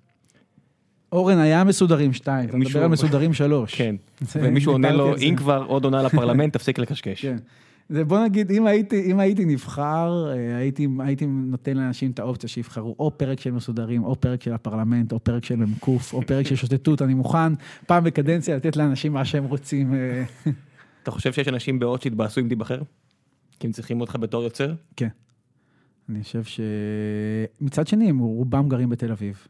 בגלל זה שאלתי את זה בצורה הכי כנה. כן, ובגלל זה אני חושב שהם, אה, שהם יעדיפו את, ה, את השינוי שאני מציע, אבל כן, זה, ישלמו על זה אה, מחיר, כי הסדרה על דודו יכולה להיות אחד הדברים הכי טובים ש, שהיו פה בכלל, ב- בתחום הדרמות. תשמע, עשית את מסודרים כשהיה לך בראש כנראה את העניין של היזמות, אולי הגיע הזמן לאיזה משהו כן. פוליטי יותר. כן, לא עשו פה מספיק דברים אה, נכון, פוליטיים, היה את אה, פולישוק שהיה נחמד, אבל לא נכון. ברמה של העיר. נכון. אולי צריך פה המשרד כן. בעירייה. אני, אני, אגיד לך את האמת, אני יודע, יש את הסדרה הזאת כרגע, אה, הסדרה על דודו, אה, שהולכת להיות בשנתיים הקרובות. אני, יש גם סדרה הבאה כבר שמחכה לי. אז אין פרלמנט? אז כרגע, תשמע, בשביל שיהיה פרלמנט שלוש, ואני מאמין שיהיה, אגב, יום אחד. למה? כי היצירה של החבר'ה האלה כי? עדיין, כשאנחנו נפגשים ארבעתנו, אסי, זרחו, מאור ואני, כשאנחנו נפגשים ארבעתנו, עדיין הקסם קורה. מספיק שתשמע, תשמע את ערן ברדיו, זה כן. לא נעלם בשום מקום, נכון, אסי נכון. כהן ממשיך לעבוד, נכון, וזה לא נכון, שהחבר'ה נכון. האלה... אנחנו צריכים פשוט שיהיה רגע שבו זה, זה יתאים לשלושתנו, לארבעתנו. מאור כהן ש- נראה לי צריך שתיקח אותו לעשות דברים כן. שהם לא פרסומת לפיצה כן. או בנק, אבל כן. אה, אבל זה כבר, אה, הוא טוב בזה, אז מה אני אעשה, מכל בן כל בן אדם צריך להתפרנס ואני מכבד את זה לגמרי, כן. אבל גאד דאם, אתה יודע, שמישהו ייקח אותו לעשות דברים אומנותיים יותר כבר. כן. אה, אבישי סלע פותח באלן אסף, מעריך ומחזיק לך אצבעות, אין לי זכות הצבעה בעיר, אז אני אומר, זה לא עוזר לך. אה, שאלה שמסתובבת לי בראש, זו שאלה קצת ארוכה, אני אקצר אותה אחרי שקראתי אותה. הוא אומר, נניח ואתה מפסיד, אתה באופוזיציה, אה, בשלב מסוים מולי שגב מרים אליך טלפון, אומר, בוא קח את השרביט, תשפיע על המדינה ממקום שבו רבע ממנה רואה אותה. עזוב, עזוב את הפוליטיקה. מסקרן אותך? אה, תראה, המסלול שלי הוא מסלול לראשות עיריית תל אביב. כל מה שאני אוכל לעשות במקביל אליו, אני אעשה. כל מה שיוריד אותי מהמסלול הזה, אני לא אעשה. למולי, אני בשמחה אעזור, ואם יהיה צריך, אה, ואם הוא יציע לי בוא, אני אעשה. כל מה שאני אוכל לעשות במקביל, אה, אני אעשה, אבל צריך לזכור, יש מטרה. יש מסע, יש אנשים שמאמינים בנו, יצביעו לנו עכשיו, ואם לא נצליח עכשיו, אז נמשיך במסע הזה עד, אה, עד שכן נצליח עוד חמש שנים. יש פה כמה שאלות של אה, משה אשכנזי, כל מיני כאלה כן. ששואלים, אה, אה, לעשות פרפרזה או להקריא? מה שאתה רוצה. אה, הוא אומר, בחייאת מה הקטע? לא ברור לך שהסיכויים שלך אפסיים, אפס זה גדול, אפסיים זה גדול מאפס, חבר'ה. אה, אז תסביר רציונלית, בלי לדבר על בחירה ערכית וכאלה, למה שמישהו יבזבז את הקול שלו עליך. בוא אני אגיד לך את המספרים של הסקר האחרון, הסקר הכי גדול שנעשה השבוע. סקר עומק של המכון סקרים הכי רציני בארץ. התוצאות נכון להיום מדברות על חולדאי 31 אחוז, אסף זמיר 18 אחוז ואני 13 אחוז. זאת אומרת שהפער בין אסף זמיר לביני היום, באמת, עזוב את כל הסקרים הכנועים, כל הפייק שאנשים עושים כדי לייצר את המציאות. סקר עומק אמיתי אומר שהפער הוא חמישה אחוז, כאשר 37 אחוז עוד לא החליטו. לכן אני חושב שעדיין... ו-37 אחוז ממי? מי שהולך להצביע בכלל? לא, זה, זאת שאלה, זאת השאלה הכי גדולה, מי יצביע בסוף? כי אחוזי הצבעה הם מה? של נכון. 40 אחוז? ומטה. אז אני אומר, זה הרבה יותר נכון. מ-37, כי יש 60 בגלל אחוז יצביעו. חושב, בגלל זה אני אומר, בוא, בוא נדמיין שיש לי בסופו של דבר רק 15 אחוז. בוא נגיד שזה הכוח שלי ה- בעיר, בכלל בעיר. אם אני אצליח לשכנע אותם ולהבהיר להם שזה השינוי וזה אפשרי, וכולם יבואו, ואחוז ההצבעה יהיה 40 אחוז, ה-15 אחוז האלה כבר שווים כמעט 40 אחוז. כן, אבל כמו שאנחנו רואים את זה בארצות הברית, לעשות תנועת, אה, תנועה אזרחית כזאת, כמו של ברני, כן. זה משהו שלוקח הרבה יותר מכמה חודשים. נכון, אבל בסדר, מה שאני אנסה להגיד, שהסך האחוז שבאמת יכול להיות לנו בקלפיות, הרבה יותר גדול מכל סקר שעכשיו רואים, ולכן זה הכל תלוי התלהבות ואמונה. ואם יש לך חזון, אני חושב שהדבר הנכון, תשמע, כשיצאתי לדרך אמרתי לבת שלי, אה, תשמעי, אבא הולך אה, להתמודד בבחירות במרוץ שיש סיכוי שהוא יפסיד בו. אתה מכין אותה לאכזבה? ותדעי לך שחשוב, אני רוצה ש, שתזכרי, שחשוב לצאת למלחמות ולמ- ולמאבקים על דברים שאנחנו מאמינים בהם, ולא רק על דברים שאנחנו יכולים לזכות או לנצח בהם. זה, חוס- זה מה שאני רוצה שתלמדי. תשמע, חוסר היכולת להתמודד עם אה, אכזבה זה אחד מהדברים אה, שלא מחנכים פה בארץ. כן. אם יש משהו שאפשר להוציא כן. החוצה מהעולם היזמי, זה בדיוק זה, נכון. ללכת נגד הסיכויים, נכון, ולדעת שאתה, אם- נכון. אם תפסיד, תתמודד עם זה כמו, נכון, deal with it, מה לעשות, זה חלק נכון. מהעולם. תשמע, אני יכול להגיד לך שיש אה, אלדד- יניב שהיה פה אצלי כמה כן. פעמים, ואני מאוד מחבב אותו ברמה האישית, והרבה אנשים סביבי הצביעו לו, לקחו מאוד קשה, מאוד מאוד קשה, וחלק מהם יזמים, ואמרתי, כן. איך אתם לא מעריכים את הניסיון לפחות, מה אתם כן. כאלה- כאלה מתאכזבים?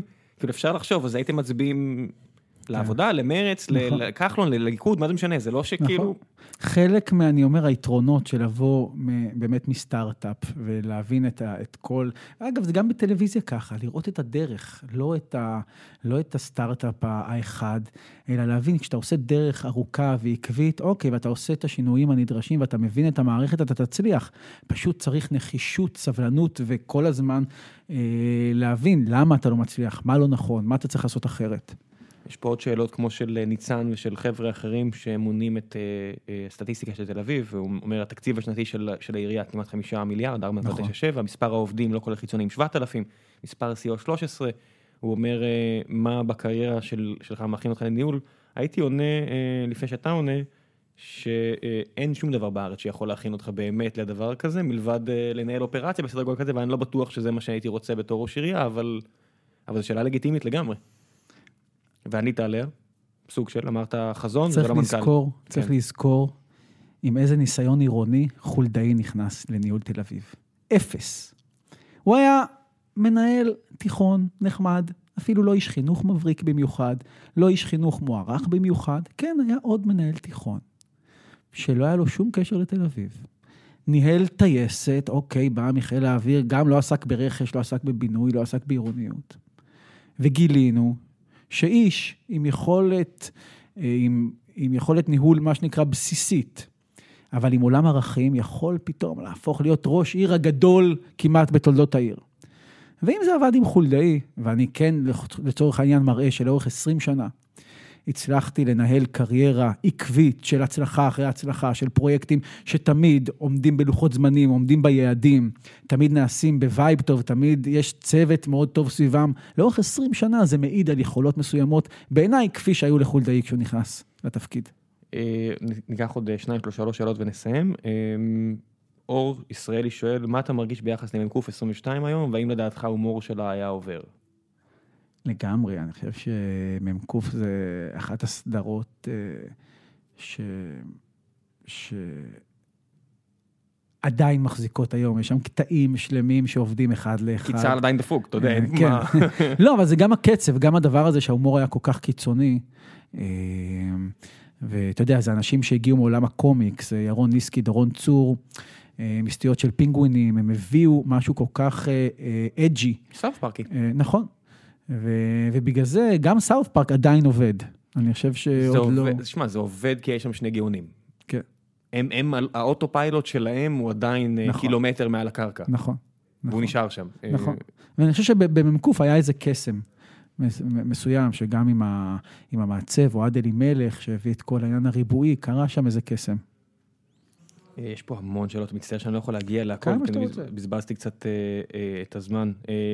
דניאל ווב שואל, מה התוקף של תעודת נישואים עירונית ולמה זה טוב ואיך זה שונה מיוזמות תעודות זוגיות אחרות? אמ, קודם כל, חתונה צריך להבין שבבסיסה זה טקס הצהרתי. המהות של חתונה זה אוקיי, שני אנשים אומרים, מתחייבים בעצם.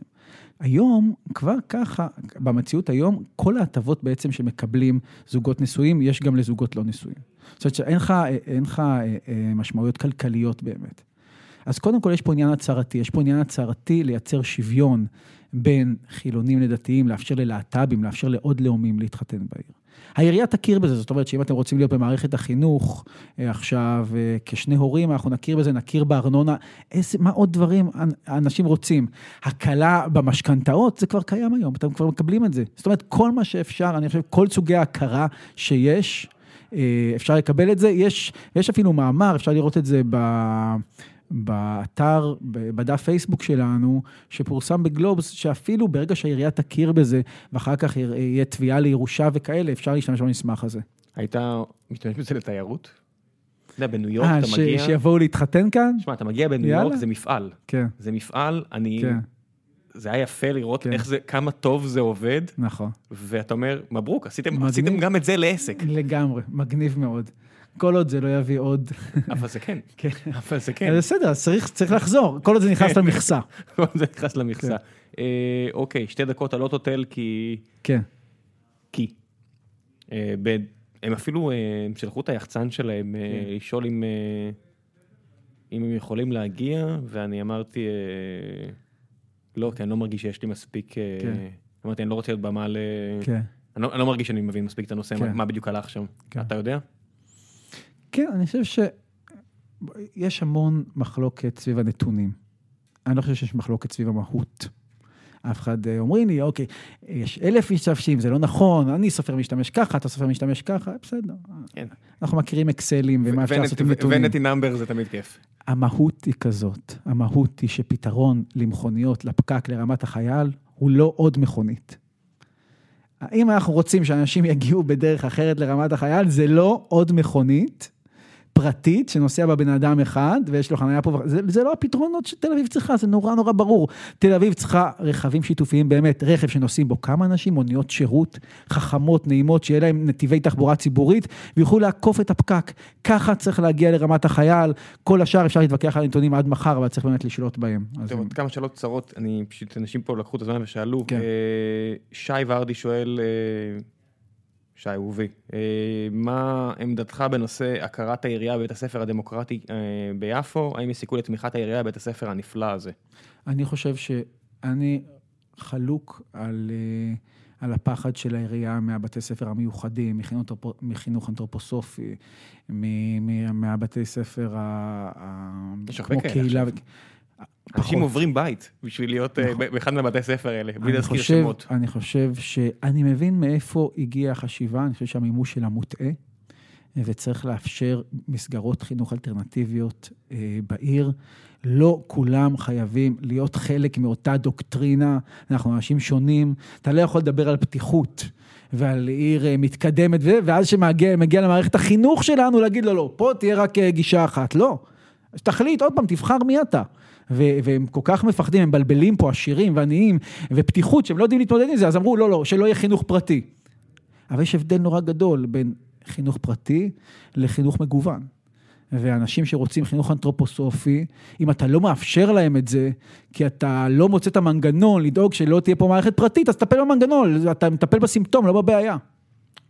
כן, מקווה שענית פה לשי. אה, שאול שואל, אה, מה התוכניות שלך למזרח העיר מהחיבור עם רמת גן גבעתיים ועד יד אליהו? כפי שאמרתי, עם הגשרים, אני חושב שצריך ליצור רצף אורבני אחיד אה, בין, בין המזרח למרכז העיר. אני שואף שההליכה, שהחיבור יהיה חיבור אמיתי, חיבור של שבילי אופניים והולכי רגל, שאפשר יהיה ללכת מיד אליהו לרוטשילד בנעימים עם עגלה בצל, וכנ"ל ביצרון, כנ"ל נחלת יצחק, כנ"ל שכונת התקווה, ההגנה, כל המקומות האלה, לא להתייחס אליהם כחומה. שאפשר לחצות אותה רק עם מכונית, אלא כנתיב, אה, מקום לחיבור אפשרי. יאיר גורדון שואל, גורדין שואל, האם אתה מצפה לקולות מהצד הימני של המפה? בתל אביב יש המון ימניים. כן. רואים את זה בבחירות לממשלה, לבחירות למדינה. אה, אני משער... והרבה מהם גרים במקומות שאתה מדבר עליהם. אני משער ש... שהייתי שמח אם היו בוחרים, אני חושב שהרבה אנשים נורא נורא מפחדים מהדבר הזה. אה, אני לא מנסה למשוך משם קולות, אני לא מנסה להסתיר את שלי. למה לא לנסות למשוך משם קולות? אה. כי אני לא יאיר לפיד. אין בעיה, אתה יכול להגיד, אני נגד הכיבוש, אתה יכול להגיד שאתה בעד פלורליזם, אבל אני בעד לעזור לכם, גם... נכון, אני אומר את זה. אני אומר את זה. אז אתה כן מנסה למשוך משם קולות. אני מושך... אתה אומר, לא מוכר את עצמך בשביל זה, אבל... יש לי חזון. כן. החזון שלי, שרלוונטי לאנשים האלה, הוא לחבר את, אה, את מרכז... את מרכז העיר למזרח, בגשרים והולכי רגל, לאפשר שבילי אופניים, לבחור בעיר כזאת. יחד עם זה, חשוב לי שתל אביב תהיה מרכז ליברלי וחילוני. אתם לא רוצים שהיא תהיה מרכז ליברלי וחילוני? אל תצביעו לי. אתם רוצים, אוקיי, אני לא רוצה להוציא מפה את הדתיים. אני לא רוצה... למה להוציא מפה את הדתיים? מה? יש במרכז העיר כל כך הרבה כוללים ובתי כנסת וזה נכון, עובד יופי. נכון. מה הבעיה? אז לא, יש אנשים שיש להם בעיה עם זה. אין לי, אין לי בעיה עם זה. אבל כן, יש לי חזון מאוד מוגדר, ואני מקווה שמי שמתחבר לו ברמה העירונית, אה, יבחר בו. שילכו לכם חמוצים, זה מה שיש לי להגיד. כן. אה, עיר, אה, מגוונת, עיר מגוונת.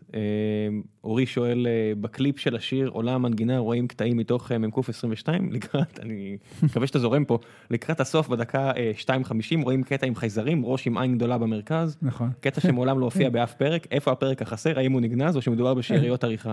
זה נשמע כמו החייזרים בסימפסונס. אה, למיטב זיכרוני, אה, זה כן מופיע, זה בפרק, אה, יש בפרק של, על הקהילה הגאה, שיש שם את מוטי ובאבר, יוסי וג'אגר, שהם, שהם מתנשקים, ואז רואים אותם, ואז, ואז התצפיתנים רואים אותם, בסוף זה מגיע לחייזרים. ואז החייזרים רואים את זה ואומרים, מתייחסים לזה, זה משם החייזרים. אה, זה לגמרי סימפסונס. זה לגמרי הדמויות של החייזרים בסימפסונס נשמע. כן. אין מה. לעשות, כולם גנבו מהם, אתה כן, יודע, זה כן, כמו, כן, כן, מי- עשה את זה? בסאות' פארק או בפמילי גיא, סימפסונס already did כן, כן, כן. אין מה לעשות. אה, שאלה אחרונה, ערן. שואל, מה הקטע עם הזקן, החלטת להיות פרויד? אה, זה, הת- התחלתי עם זה סתם, ו... וה... ואז פגשתי את הבת זוג שלי, והיא אמרה, זהו. אין איזה יועצת אה, תקשורת שאמרה לך, לא, אתה לא, היא אמרה, אני רוצה לראות." אותך ככה, ואין... אה, בסדר, ואתה אני- משאיר. אין ו- בעיה, זה- זה ה... אני כן. בגלל זה מתגלח, אין מה לעשות. כן, אתה אני. הייתי מתגלח, אם זה היה תלוי בי כבר הייתי מתגלח. כן. אבל היא אוהבת את זה ככה, והיא צריכה לראות אותי כל היום, אז אה, נראה לי חשוב. אני חושב שהמעט שאפשר לעשות זה גם להתאים את עצמך אסתטית לבן או בת זוגך. נכון. אני אומר את זה באמת בלי- אה, סרקזם אדיר מילרי כזה של כן, כן, מחליטים עליי, זה נטו, כן, היא רואה אותי כל יום מול העיניים שלה לא, במיטה באמת- בזה, כן, זה באמת נראה לי הגיוני מאוד. כן. טוב, בשלב הזה אני אתן לך להמליץ על כל מה שאתה רוצה, מעבר ללהמליץ ובואו תבחרו בי, כל דבר אוקיי. שבא לך מבחינת אה, יצירה תרבותית, אה, פעילות. אני יכול להגיד לך, דב חנין, אני תמיד אומר את זה פה, כי הוא היה הכי כן. מקורי, הוא אמר, אה, לכו לטייל על הים, אני חושב, או משהו כזה, אז אה, אל כן. תהיה דב חנין, תהיה משהו, שלח אנשים לקרוא משהו או לראות משהו מעבר ל- להצביע לך, שזה... אה, אוקיי. אמ, הספר הראשון, תראה, אם מדברים, אמרת ספרות, אז אה, יש ספר מרתק, יצא לי לדבר עליו באיזה חוג בית, שנקרא השטן בעיר הלבנה. והוא מספר אה, על היריד הבינלאומי שהיה בשיקגו, ששם ארצות הברית אה, ניסתה לתת תשובה על היריד העולמי שהיה בפריז, ששם היה את מגדל אייפל. ושיקגו התחילה עם המגדלים שם, כן. ושם התחילה תעשיית הפלדה, בדיוק. קרנגי נכון. וכל החבר'ה האלה. ואז, אה, ומנסים לעשות מין סנטרל פארק כזה, אה, מביאים את המעצב של סנטרל פארק, ש... וגם, בתקופה הזאת, אה, מתחיל לפעול ב... בשיקגו הרוצח הסדרתי הראשון בעולם. עד אז לא היה ידוע על זה, ולכן... באמת? ג'ק כן. המרטש זה לא כמה, ש... כמה עשרות שנים לפני? זה אמצע המאה ה-19 ואתה מדבר עכשיו על uh, תחילת המאה ה-20? יכול להיות שזה הראשון שנתפס, יכול להיות שזה הראשון... uh, לא, בוא נגיד מבחינת הכמויות, הבנתי. סיפור... אה, אוקיי, אוקיי. אה, מכיוון שהמשטרה בכלל לא, לא עולה על האפשרות הזאת, ויש שם אה, אה, סיפור מדהים, מדהים. אה, הוא בונה מכונת מוות, הוא בונה איזה בניין. ש... זה סיפור אמיתי? סיפור אמיתי. אה, שני הגיבורים של הספר הזה, אה, אחד זה בעצם הרוצח הסדרתי הזה, והשני הוא האדריכל שבא לבנות את היריד העולמי, המטורף הזה. אה, ושני הדברים קורים יחד בתקופה מדהימה בפני עצמה, ביריד הזה הבינלאומי שקורה, אתה יודע, מביאים, אה, יש איזה מארצות הברית, מאיזה מדינה מגיע, אני חושב שזה מארצות הברית, מגיע המאסטיק, אה, פעם ראשונה המצאה, ש... כל מיני המצאות, ויש שם סיפור נפלא. אה, ש- של אנשים, אתה יודע, הרבה דברים, אה, כן, זה בדיוק התקופה הזו. אה, אנשים, אה, אה, שני אנשים אובססיביים, חדורי אה, אה, שליחות. אחד עוסק ברצח נשים, והשני בבנייה של פארק. ולאורך, לא, אתה קורא את הספר ואתה לא יודע הרבה פעמים על מי מדובר כבר. מי, מי הוא מי שם. אובססיה היא אובססיה, כן. אובססיה, סטייל כזה רקביים כן. לחלום. וזה, וזה ספר שכבר שנים בהוליווד, כל פעם הוא עובר מבמאי לבמאי לבמאי, אין במאי כבר שלא ניסה לעשות את הסרט הזה. אני ממליץ לכם לקרוא אותו לפני שזה נהיה סרט ויתקבע לכם ה- הדימוי הזה בראש. ספר, סיפור מדהים. יש הרבה אה, כאלה, יש כן. הרבה ספרים שאתה אומר איך אה, לא לא- לא כן. נהיה מזה סרט, ואז אתה מגלה שכמו מייקל שייבון וכל מיני כאלה כן. שפשוט מחכה לאחים כהן, ש... כן. ועוד ספר של אותו סופר, אה, אני חושב שנקרא גן חיות הפרא, מדבר על תהליכים. אסור להגיד את המילה הזו. כן, על גרמניה, אחרי הבחירות של היטלר, אבל לפני שהתחיל אה, כל הבלאגן, דווקא על ה... הוא מספר את זה מהפרספקטיבה של שגריר אה, אמריקה בגרמניה והבת שלו. איך הם, הם מגיעים לשם, אה, ואיך הם חווים. זה רק מהפרספקטיבה שלהם. וזה מדהים לראות תהליכים. במובן הזה, זה דווקא הדברים הקטנים שקרו בממשל, שקרו ברחובות, בברלין. לא, לא דברים שקרו אחר כך במחנות. אה, זה מסמך מרתק על תהליכים, למי שמעוניין לקרוא. אה, המלצה ראויה לכל הדעות. זה... ולמי שתל אביבי. לכו לסולטנה. זה באמת, סולטנה, לא, לא, לא, מי שתל אביבי תצביעו לי? סולטנה פוקוס, זה... פוקוס. סולטנה, אמרת, ביקשת שלא, אני נו. אני שומר על הפורמט. חשבתי שבכל זאת תפרוץ את הפורמט, אתה יודע. כן. לא, סולטנה זה השווארמה הטבעונית, באבן גבירול, וזה פשוט טעים בטירוף. וזה, אני חושב שאנחנו נכנסים, כל מי שעוד אוכל בשר, זה הזמן להתחיל להיפרד, זה לא יקרה. אה, היית עושה משהו כראש עירייה כדי ודאי. אה, להקל על... תל אביב צריכה, היא כבר היום אחת הערים שמקדמות טבעונות, אני חושב שצריך ללכת עוד ועוד אה, בכיוון הזה, ש- להקל, להקל על עסקים. להוריד ארנונה למי ש... מי שמסעדות טבעוניות בהחלט, אנחנו צריכים, תשמע, תעשיית הבשר, התעשייה הכי מזהמת בעולם, אה, יותר ממכוניות, יותר מהכל. כי, כי המכוניות, אתה יודע, אתה צריך הרבה מכוניות כדי לשנע את כן. הבשר, למי שלא מבין מאיפה זה מגיע. ולייצ... ו...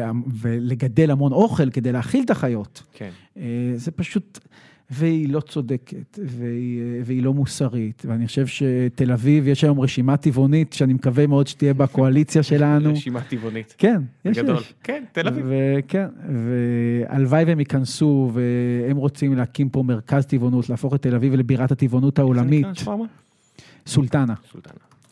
ואני אומר לאנשים, וואלה, תתחילו להתרגל, אצל אייל שני יש את, אה, את הכרובית בפיתה, ו... כולם צריכים היום. כן, כמה, כמה שפחות אה, בשר. אני עוד אוכל בשר לפעמים, אני לא, אה, טהרן. אני לא, כן, אני לא טהרן, אבל אני בפירוש מנסה להוציא את זה מה- מהסיסטם, להיות חלק מהמהפכה הזאת, שהיא, שהיא חשובה והיא מוסרית, ו, ותצביעו עין, אנחנו העיר בקלפי, ואסף הראל, לראשות אני, העיר. אני אתן המלצה משלי שקשורה לזה, כי הרבה פעמים אנשים, אה,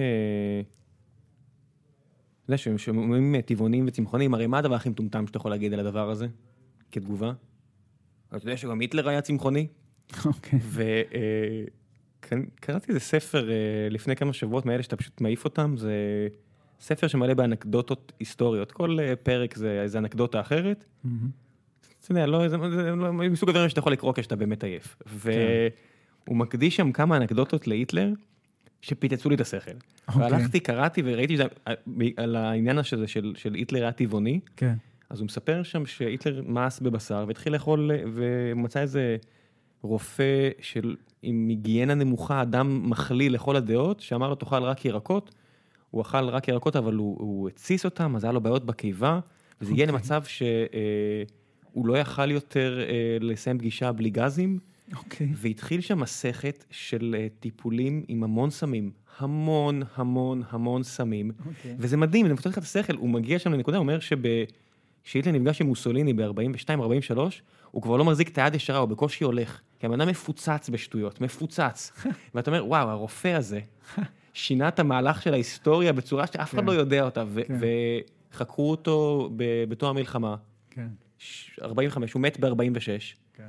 ואתה אומר, כל מיני אנשים קטנים כאלה, ששינו את ההיסטוריה רק כי הם דחפו מישהו, או דחפו משהו לעשות איזה פעולה, אז כן, תיקחו את הטיעון הזה של היטלר היה צמחוני, וזה כן. מטופש לכל הדעות, אבל אני אתן את השם של הספר, אני לא זוכר אפילו איך זה נקרא, אנקדוטות היסטוריות או משהו כזה. יאללה, בן אדם, תודה רבה רבה רבה שבאת. שיהיה המון בהצלחה. וחשוב, בלי קשר למה אנשים מצביעים, אני חושב שנורא חשוב להצביע. אה, אחוז ההצבעה הנמוך הוא, הוא מעקר את כל המשחק הדמוקרטי מה- מהרעיון שלו. חשוב להצביע. לכו להצביע, דברו עם אנשים שיצביעו, לא משנה למה, תקראו, תבררו ותצביעו, תצביעו, תצביעו, זה באמת נורא נורא חשוב.